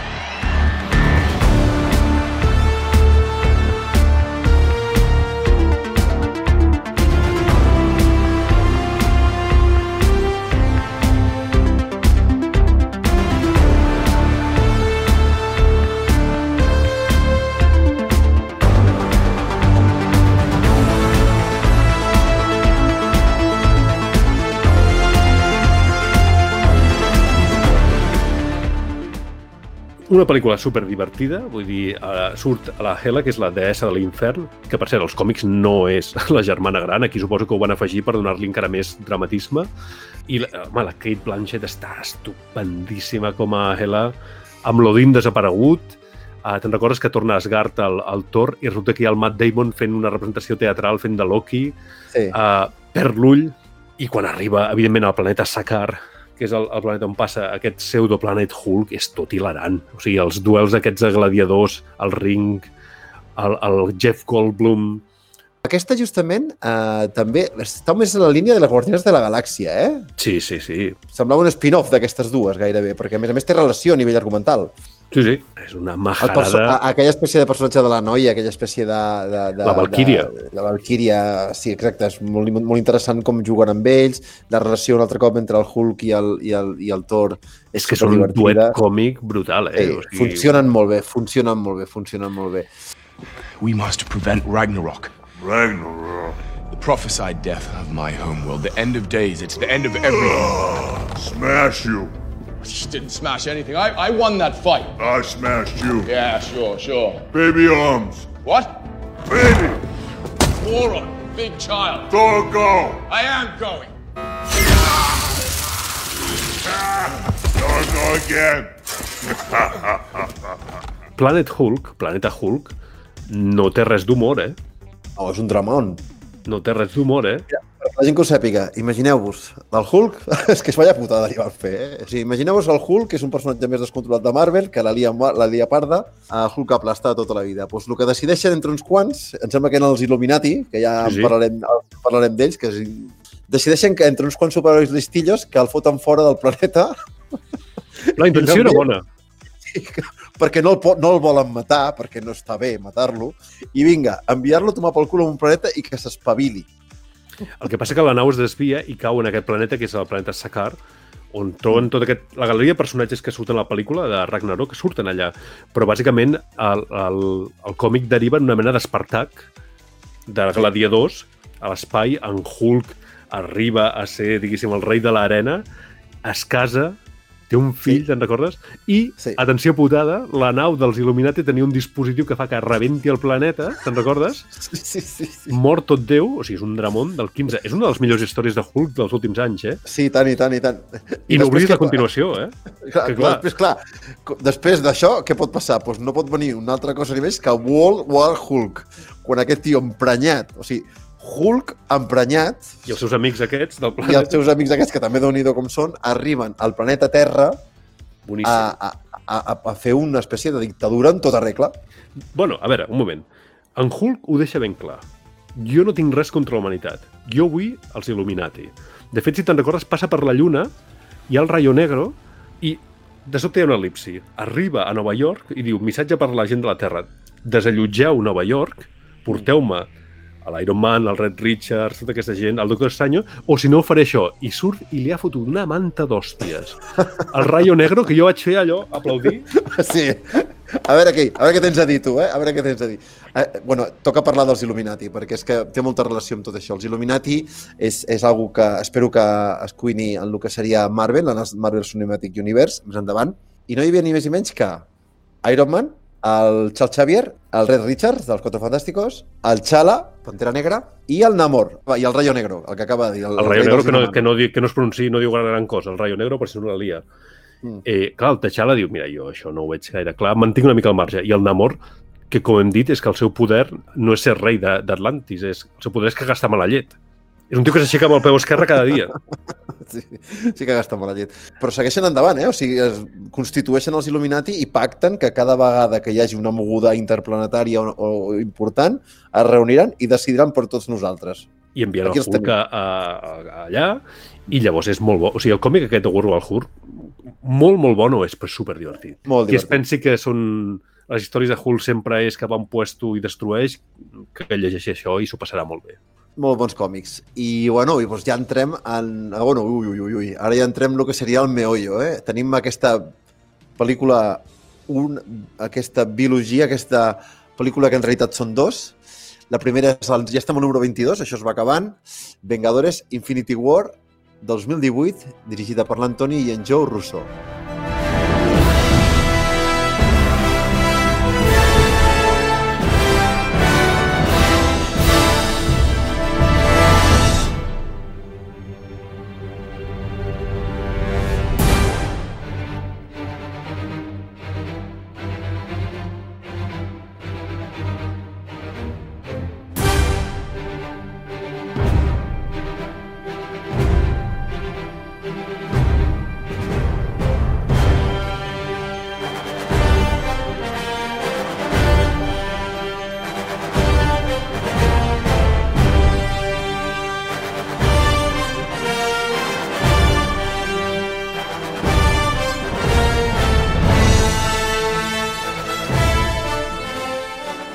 Germans Russo, que ja venien de fer les pel·lis de Capitán Amèrica i que aquí van començar... Això és el clímax, amics. Això ja és la culminació de totes les trames. Aquí sí que hi ha algun acudit, però bàsicament és èpica i emoció desfermada. M'expliques, si vols, una mica, de, una mica els quatre bueno, coses que s'ha de les saber. quatre coses que s'han de dir aquesta pel·lícula és, és, és realment, com diu en Raül, és que és això, és la batalla definitiva. Estem parlant de les pel·lícules més taquilleres de la història del cine. Tot sigui Mm. dit, eh? I són molt llestos, perquè tu, si has vist les pel·lícules anteriors, saps d'on en Thanos ha tret totes les, les gemes de l'infinito. Les Infinity Stones, en anglès. Mm. De fet, la pel·lícula comença que en Thanos assalta la nau amb els supervivents de- d'Asgard, de, Thor Ragnarok, i bàsicament li fot una manta d'hòsties al Hulk i mata el Loki. I Sí. aquí et deixa molt clar les intencions. I en una escena que, que veu de la saga original del Guantelete de l'Infinito del Jim Starlin, en aquest cas no és l'Estela Plateada, sinó el propi Bruce Banner, qui cau, destrossa el Santa Sanctorum del Doctor Estranyo i diu, hòstia, en Thanos ve a la Terra, té ja unes quantes gemes de l'infinit, si aconsegueix la resta serà tindrà el poder d'un déu. Exacte. I és això, és un contrarrellotge per intentar evitar que això s'ho passi. Però és que si no això és prou trepidant i ja portes esperant això a veure què passa, venies de Civil War on tenies per una banda el Capitán Amèrica i, i l'Iron Man que, que no eren No es amics i, que, i, i que no es parlaven. Ja no d'estic. I a més, a més, si li faltava drama a la cosa, suma-li el drama dels amics que se sumen amb aquesta entrada dels de Wakanda, de Wakanda que jo és com lligava caps i tot plegat, però és que encara hi ha més. O sigui, quan ja estàs frisant, que és una pel·lícula que dura 3 hores, que no, no deixa ni de respirar, perquè Mhm. té un ritme impressionant, al final que té aquesta pel·lícula, al final que té, que surts del cine dient, cabrons, Bueno, bàsicament foteu-me és... la següent. O sigui, vull estar 3 hores més aquí, no em fa res, ja pixaré demà, ja em menjaré un altre dia. Aquí hem de dir que hem de fer full spoilers, és a dir, és una pel·lícula en la qual eh, el dolent guanya, bàsicament. You should have gone for the head.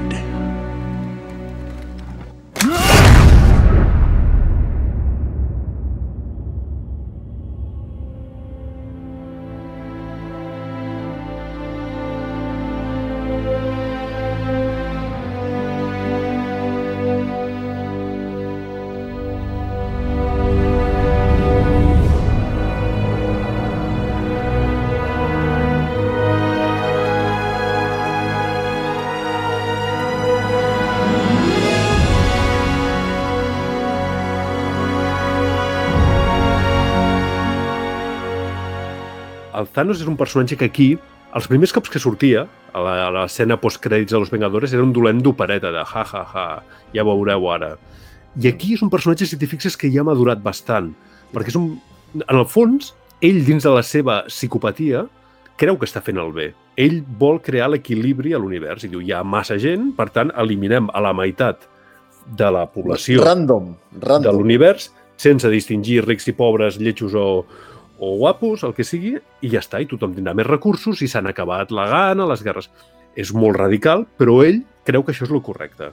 Mm. Quan arriba a aquest punt, què tenim? Hòstia, doncs tenim això que has dit, los Vengadores separats, uh, ataquen ell té una mena d'ordre negre, que això es va crear als còmics del Jonathan Hickman, que s'estan publicant ara en tomos, que és el Corvus Glaive, aquells tres... Són com tres personatges entre orcos i fans de, de black metal, no? Això és l'ordre negre. I després hi ha en Thor, clar. És dels pocs supervivents d'Asgard, es queda vagant per l'espai i el que has dit tu abans. Qui el troba? Ni més ni menys que els Guardians de la Galàxia, escenes divertidíssimes, amb el, amb el Peter Quill que li té gelos, Sí. perquè l'altre, oh, que guapo que és, que fornit i tot plegat.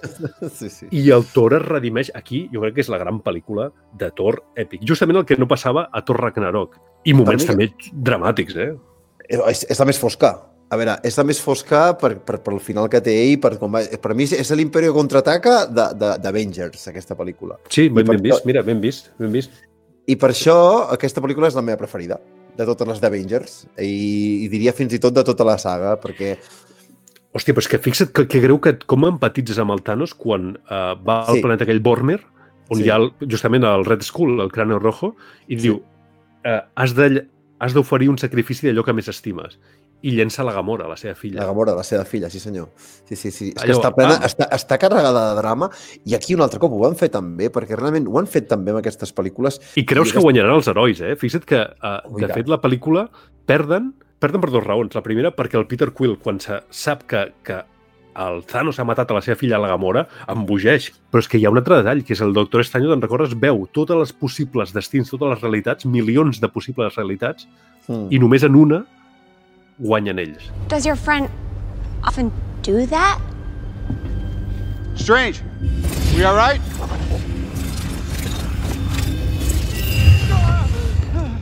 Hey, what was that? Went forward in time to view alternate futures, to see all the possible outcomes of the coming conflict. How many did you see? 14,605. How many did we win?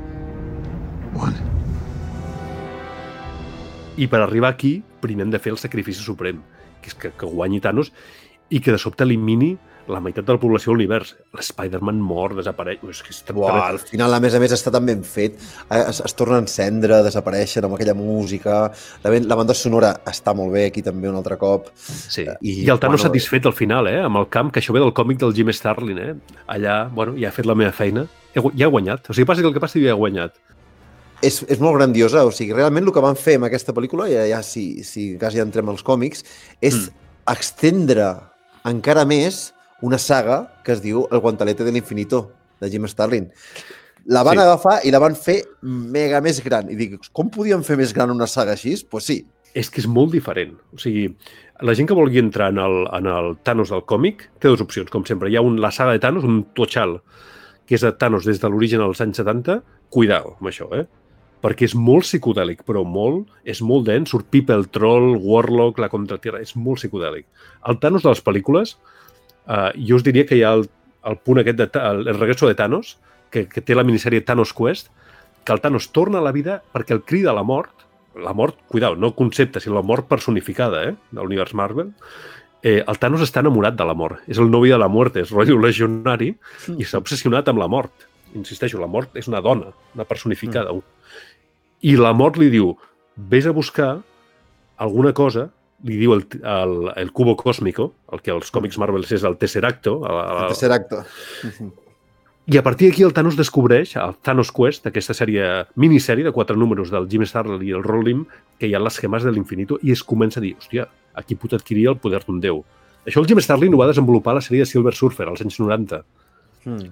Adquireix totes les gemes, no té res a veure com les adquireix el còmic, i el guantelete és que després de fotre-li un, una manta d'hòsties al Warlock, que aquí no surt, fixa't, eh? ja té primer, primer exemple, és molt important als còmics, i el Silver Surfer, el Estela Plateada, el Silver Surfer, arriba a la Terra i avisa. Mentrestant, està amb la mort i té el Mephisto precisament menjant-li l'orella. Rotllo grima, lengua de serpiente, dir-li, hòstia, fes-li un palau a la mort a l'espai. I és el Mephisto, als còmics, que li diu, coi, si és la mort i tu tens el guantelet, tens el poder d'un déu, què pots fer? Snap. I l'escena aquesta la desaparició de mitja vida de l'univers, el còmic també passa, però perquè el Mephisto li menja l'orella perquè el Thanos, que està embogit pel poder i està obsessionat amb la mort, vol impressionar a la mort. Fixa't que és una, una, un objectiu molt menys noble eh, que, que la pel·lícula. El Thanos, bàsicament, és que només amb el poder de la ment pot fer que, que, que la gent es desfaci i desaparegui. I hi ha una escena mitiquíssima que qui queda en peu davant d'ell, que això també la pel·lícula, no aquesta sinó la següent ho recull, és el Capitán Amèrica. I el Capitán Amèrica, que clar, és, en el fons és un senyor amb un, amb un escut contra un déu. Tu tens el poder d'un déu, però nosaltres tenim l'esperança. És molt recomanable el Guantelete, però és molt diferent, molt, molt diferent que la pel·lícula. Eh? És un Thanos molt diferent i si algú vol alguna cosa més moderna de Thanos, jo recomano la- l'etapa recent en Tomus del Jeff Lemire i el Donny, Donny Cates, Mm, El regreso de Thanos i Thanos vence, la pista està al nom, està molt, molt interessant. El Guantelete és mítica, però ja et dic que és, és una altra història comparat amb aquesta pel·lícula.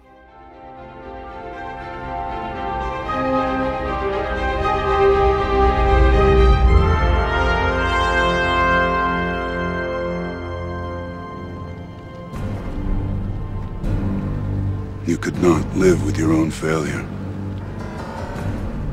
Where did that bring you? Back to me.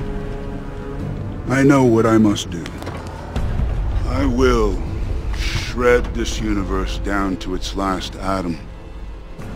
And then, with the stones you've collected for me, create a new one.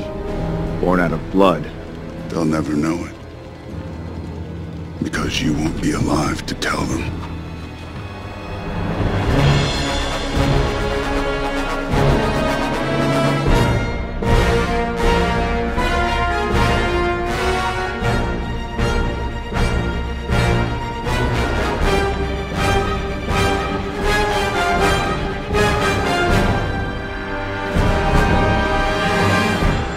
Avengers uh, Infinity War. Uh, tu, Raül, et torno a la pel·lícula, eh? Perdona, que per torno. De Vengadores, sí. quina és la que més t'ha agradat? Encara hi hem arribat o encara no hi hem arribat? És que jo per mi aquesta i la que ve ara, que és Endgame, per mi és com una pel·lícula llarga. Ja sé que són dues, però per mi és una pel·lícula llarga. Com a divertida, a mi m'agrada més uh, Infinity War, però com a pel·lícula arriscada, que no tira pel camí fàcil i resolent totes les trames que s'havien generat des de feia més de 10 anys, Endgame la trobo també rodoníssima. Doncs vinga, som-hi. El número 25, això s'acaba. Vengadores, Endgame, del 2019, per l'Anthony i en Joe Russo un altre cop.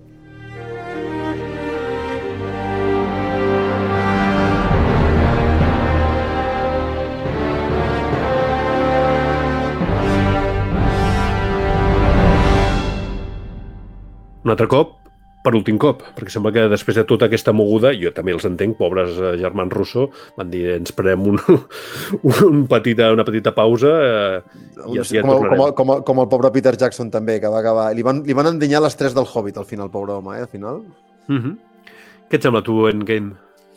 Doncs Endgame. Et diria que sí, eh, això que has documentat fa un moment, de que eh, Infinity War i Endgame és una sola pel·li, és una sola pel·li de 6 hores, o més, gran ahí, que ben Hur, sí. més, més llarga que Ben Hur, i, i, i sí que diria que és, és un gran final. És, és el final. I aquí realment eh, culmina tot un treball de més de 10 anys de, de sagues, o sigui, de moltes pel·lícules, Mhm. de moltes històries, de moltes treballadors, i culmina d'una manera que és fantàstica, amb tres, alerta spoiler, super spoiler, la mort d'Iron Man. Inevitable.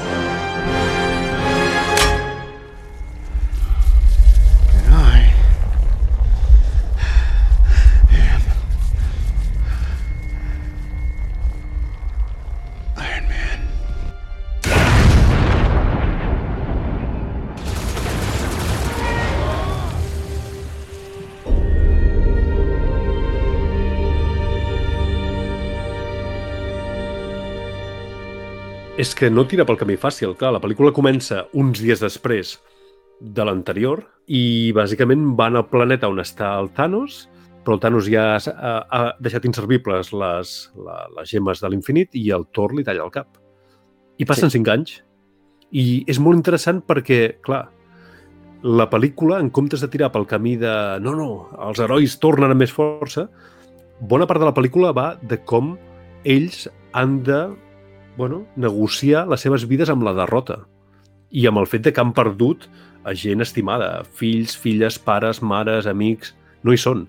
I és justament el que dèiem, la intervenció de l'Antman, que surt d'aquest univers quàntic. Per ells han passat unes hores, però en realitat han passat cinc anys. La seva filla ha crescut. La Kiss Lang ja ha crescut, no?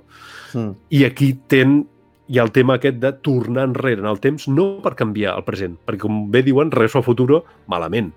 Cada cop que van al, al passat i canvien, recuperen una gema de l'infinit abans que el Thanos se l'apropiï, el que fan és generar línies paral·leles, altres realitats Paral·leles. paral·leles. El multiverso.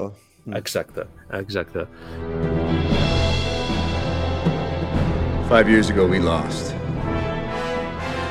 All of us. We lost friends. We lost family. We lost a part of ourselves. Today, we have a chance to take it all back. You know your teams, you know your missions. This is the fight of our lives. And we're gonna win. Whatever it takes. Good luck. Hi ha que es que aquí és un Thanos més primari que, que el que havíem vist a l'altra pel·lícula, que és el gran protagonista, era Però el és, Thanos. és, és normal, perquè aquest Thanos que coneixen no havia fet la reflexió ni el camí que havia fet el Thanos de l'altre. Aquí sí que era el d'opereta, però és que havia de ser aquest. Ho has trobat tan valent que, se- que, que passés en off, que facis fora de càmera l'execució del Thanos. És com, És brutal. Pam. És brutal. O sigui, vaig trobar, dic, hòsties, ni combat èpic, ni, ni pitos, ni flautes. I després tot l'arc que porta a la gran batalla final havia d'acabar així. És a dir, uh, el Thor, recordem, Thor tamany XL, mm. Iron Man i Capitán Amèrica s'enfronten contra Thanos, no tenen res a fer. El Capitán Amèrica amb, el, amb destrossat i tot plegat, i de sobte comencen a arribar tots els herois per fer la batalla final, el meu cine va embogir. Avengers!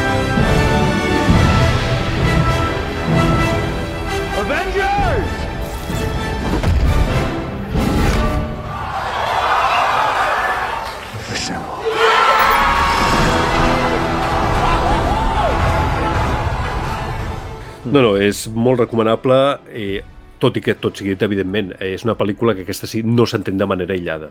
Sí, sí. Com a culminació és, és brutal i recomanadíssima. Recordo molt. Aquesta la vaig anar a veure dos cops al cine. Mhm. no, no en vaig tenir prou.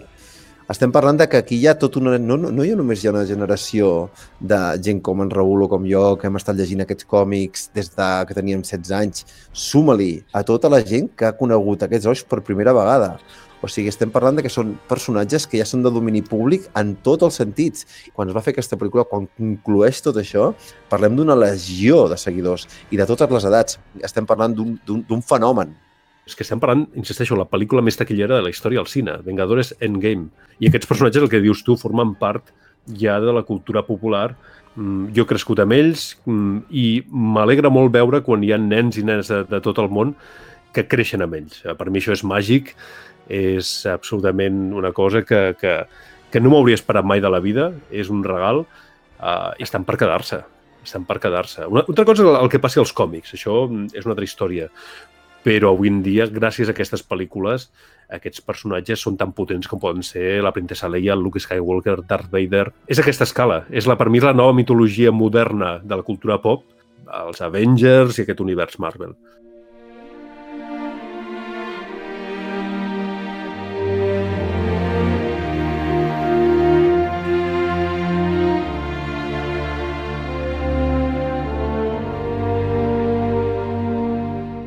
I bueno, ja anem acabant, no? Si et sembla, passem ja a la darrera. És una llàstima que acabem amb aquesta perquè hem de ser rigorosos amb el que havíem promès. Vam, promer, sí. vam prometre parlar de les pel·lícules de Marvel Cinematic Universe en ordre cronològic, de la primera a la última fins a data al dia d'avui.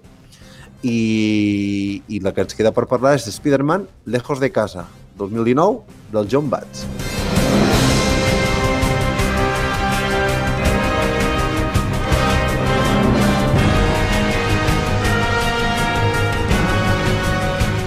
Sí, aquesta és l'última perquè, eh, com hem dit, cronològicament la pel·li de la Viuda Negra se situarà abans, perquè, entre altres coses, la Viuda Negra mor a Avengers Endgame, el que dèiem, spoiler, no? Mm. Eh, aquesta pel·lícula funciona com a epíleg a Endgame, es veu el Peter Parker refent la seva vida i tot plegat, però és una pel·lículeta molt lleugera que, que va de viatge per Europa, gairebé viaje, viaje de pirados, com aquella pel·lícula, Eurotrip. Sí.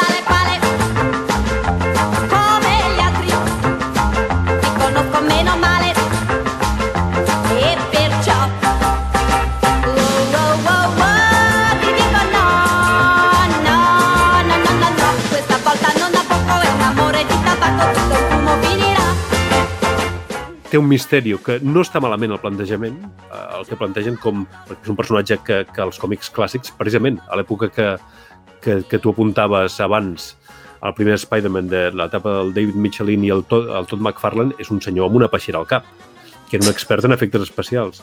Exacte. Jo crec que aquí la, la fan una actualització bastant bona, però tota la resolució final, amb aquells eh, efectes especials que creen dels elementals de foc i aigua i tal, no té massa, no té massa suc i simplement funciona per, per veure com en Peter Parker accepta aquesta nova realitat en la qual el seu mentor, el Tony Stark, ja no hi és. You're a very difficult person to contact, Spider Man. You're Nick Fury.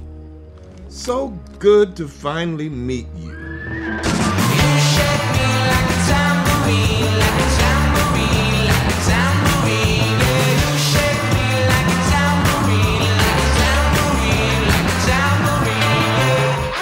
No calia una pel·lícula per això, perquè aquesta pel·lícula té dos grans errors. El primer error que té és treure l'Spider-Man de Nova York, de Manhattan. Tu a l'Spider-Man el pots treure de Manhattan i Nova York si se'n va amb altres herois a fer altres coses. Després funciona. Però és que està tan descol·locat. És com aquella pel·lícula de Batman quan el foten a Corea o no sé on va, no? El Batman, quan surt de A Gotham... Hong Kong, sí, a sí. Hong Kong. Quan surt de Gotham deixa de ser Batman, perquè ell, Batman, necessita Gotham, necessita les seves gàrgoles i tot plegat. Sí, sí, és veritat. Spider-Man Li passa el mateix.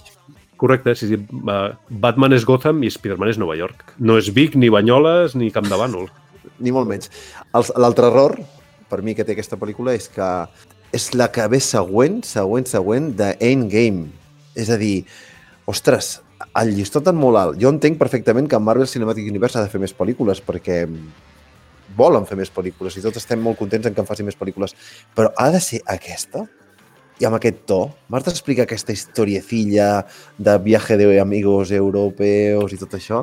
És que és la llàstima, perquè havent-hi històries de, de Spider-Man, clar, no pot ser una pel·lícula èpica perquè ja vens de la mega epicitat Ho ultra màxima. perfectament. Mm. Però, hòstia, posats a fer, hi ha altres històries de Spider-Man i tot això.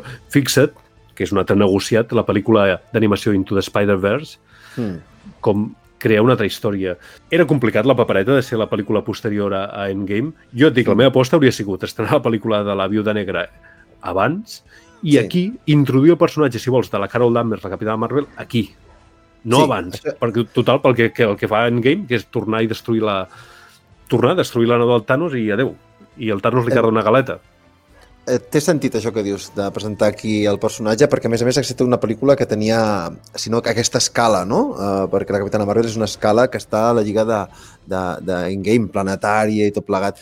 Queda una pel·lículilla, Spider-Man Lejos de Casa queda una pel·lículilla que, que s'oblidarà molt, que també... És molt oblidable. Sí, I en aquest... Bueno, hi ha, hi ha un moment al final, eh? Si t'hi fixes, hi ha un moment al final que fa obre una petita porta a l'esperança, que és que quan torna a Nova York es veu el J.J. Jameson de les pel·lícules del Raimi. Ah, Ah, és veritat, sí, sí, sí, sí. I això està bé, això està bé, això està bé.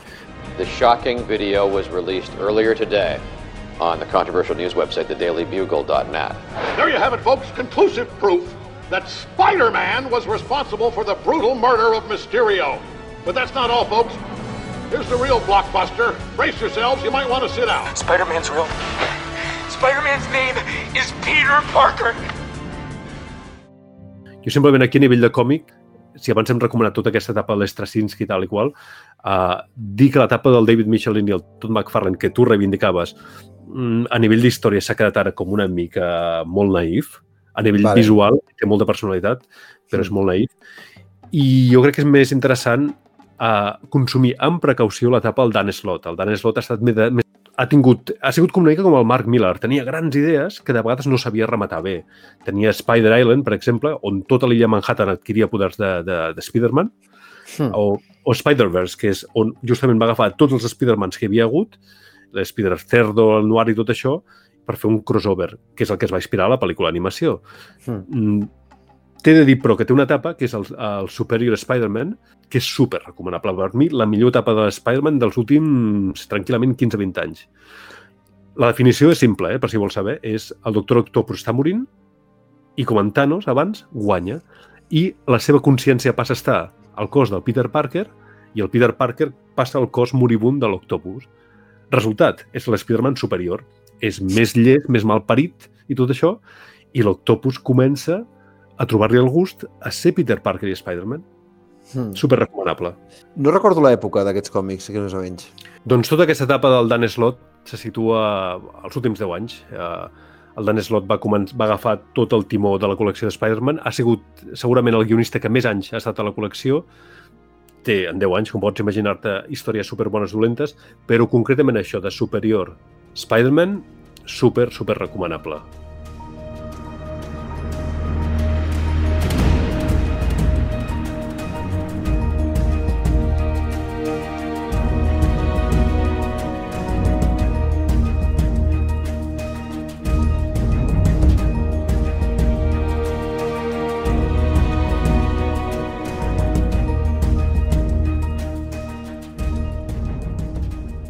Doncs, bueno, ja sí que ja hem acabat. Que ara ja el que ens Eh. faltaria... Hem fet aquí, hem fet super, un super podcast. Hem fet una cosa que per mi és èpica, feia molt temps que no feia ràdio, i, i ens hem liat i hem fet tres programazos llarguíssims on hem comentat les 26 pel·lícules, 11 anys de, de pel·lícules, d'històries i tot plegat. Ha estat un plaer. L'únic que ens faltaria per acabar de parlar és que, que això no de Marvel Cinematic Universe no ha acabat. És a dir, què esperem d'aquesta nova etapa, no? Què ens agradaria que hi passés aquesta nova etapa?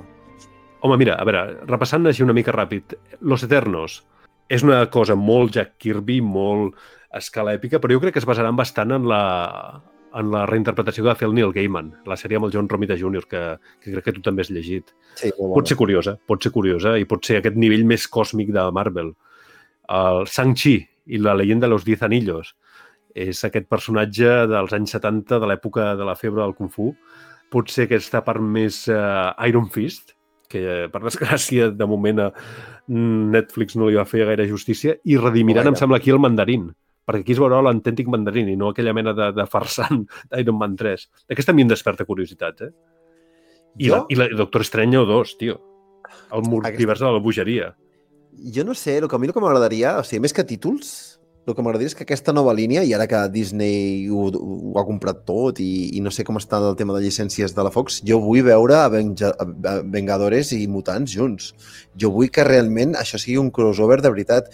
Vull que realment amb aquest bon fer que han tingut a, a Marvel Cinematic Universe es passi el que serien els mutants perquè eh, des de, perquè realment se'ls ha de tractar, jo penso que se'ls pot tractar molt més bé, se li pot donar una volta molt important i molt interessant i veig, Mhm. i veig que la relació que poden tenir tots aquests personatges amb, amb la Patrulla X pot ser super xulo. Hi ha dos incògnites aquí. Com s'incorporarà i quan a l'univers Marvel els mutants, que s'han sobreexplotat molt, en pel·lícules bastant fluixetes els últims Ah, anys, per desgràcia sí. per mi, que sóc fan, I tant. i els Quatre Fantàsticos. Sí. I això obre dues possibilitats. Clar, si són els Quatre Fantàsticos a escala còsmica, podríem tenir potser una Secret Wars, que seria la bomba, eh? El Todopoderoso eh, o Aniquilación, que ja en vam parlar, amb Guardians de la Galàxia.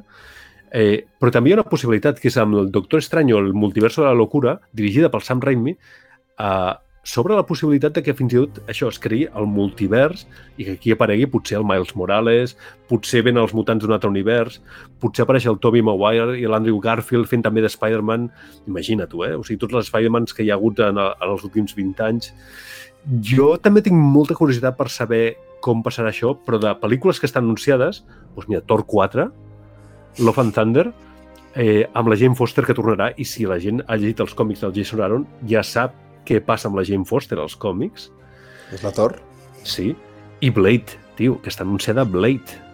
Està anunciat un reboot de Blade.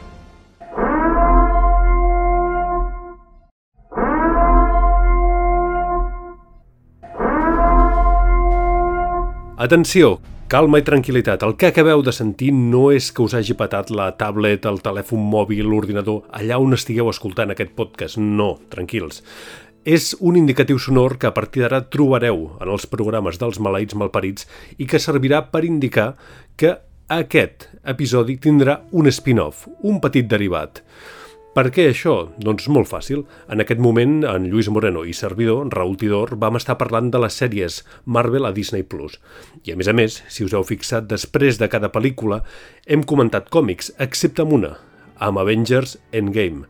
Doncs aquesta informació, aquest parlar en detall d'aquestes nissagues que poden venir en el futur de Marvel Cinematic Universe i les sèries Marvel a Disney Plus, ho trobareu ben aviat en aquest capítol spin-off, en aquest capítol derivat, i si escolteu aquest podcast mesos o setmanes després que l'haguem penjat, doncs el teniu aquí al costat, amb una etiqueta de color verda, serà el programa 3.5 de Marvel Cinematic Universe.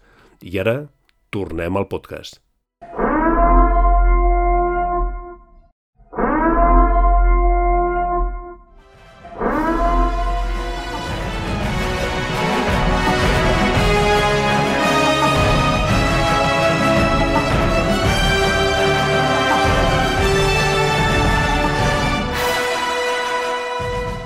Déu nhi el que ha donat aquesta repassada a l'MCU, el Marvel Cinematic Universe, però prenem-nos un respir i t'agraeixo molt, evidentment, l'esforç.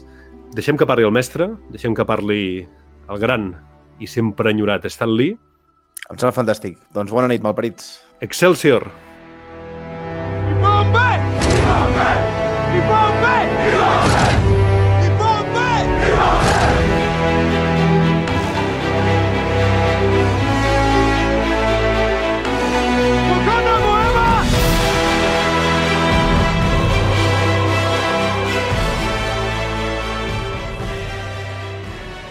What I'm doing isn't really unimportant. Maybe entertainment is one of the most important things because there are so many bad things in the world that if you can entertain somebody for a while, it's a good thing. So I think maybe I'm proudest of the fact that I meet so many people who say to me, Gee, Stan, I've been reading your things since I was very young.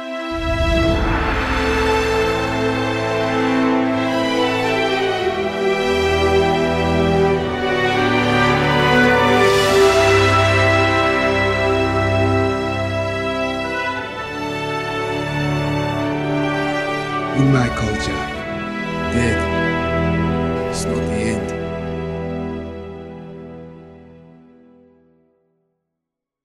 I atenció, com a bona pel·lícula Marvel, això té una escena postcrèdit. Què passa? Doncs que no n'hem tingut prou. Som així.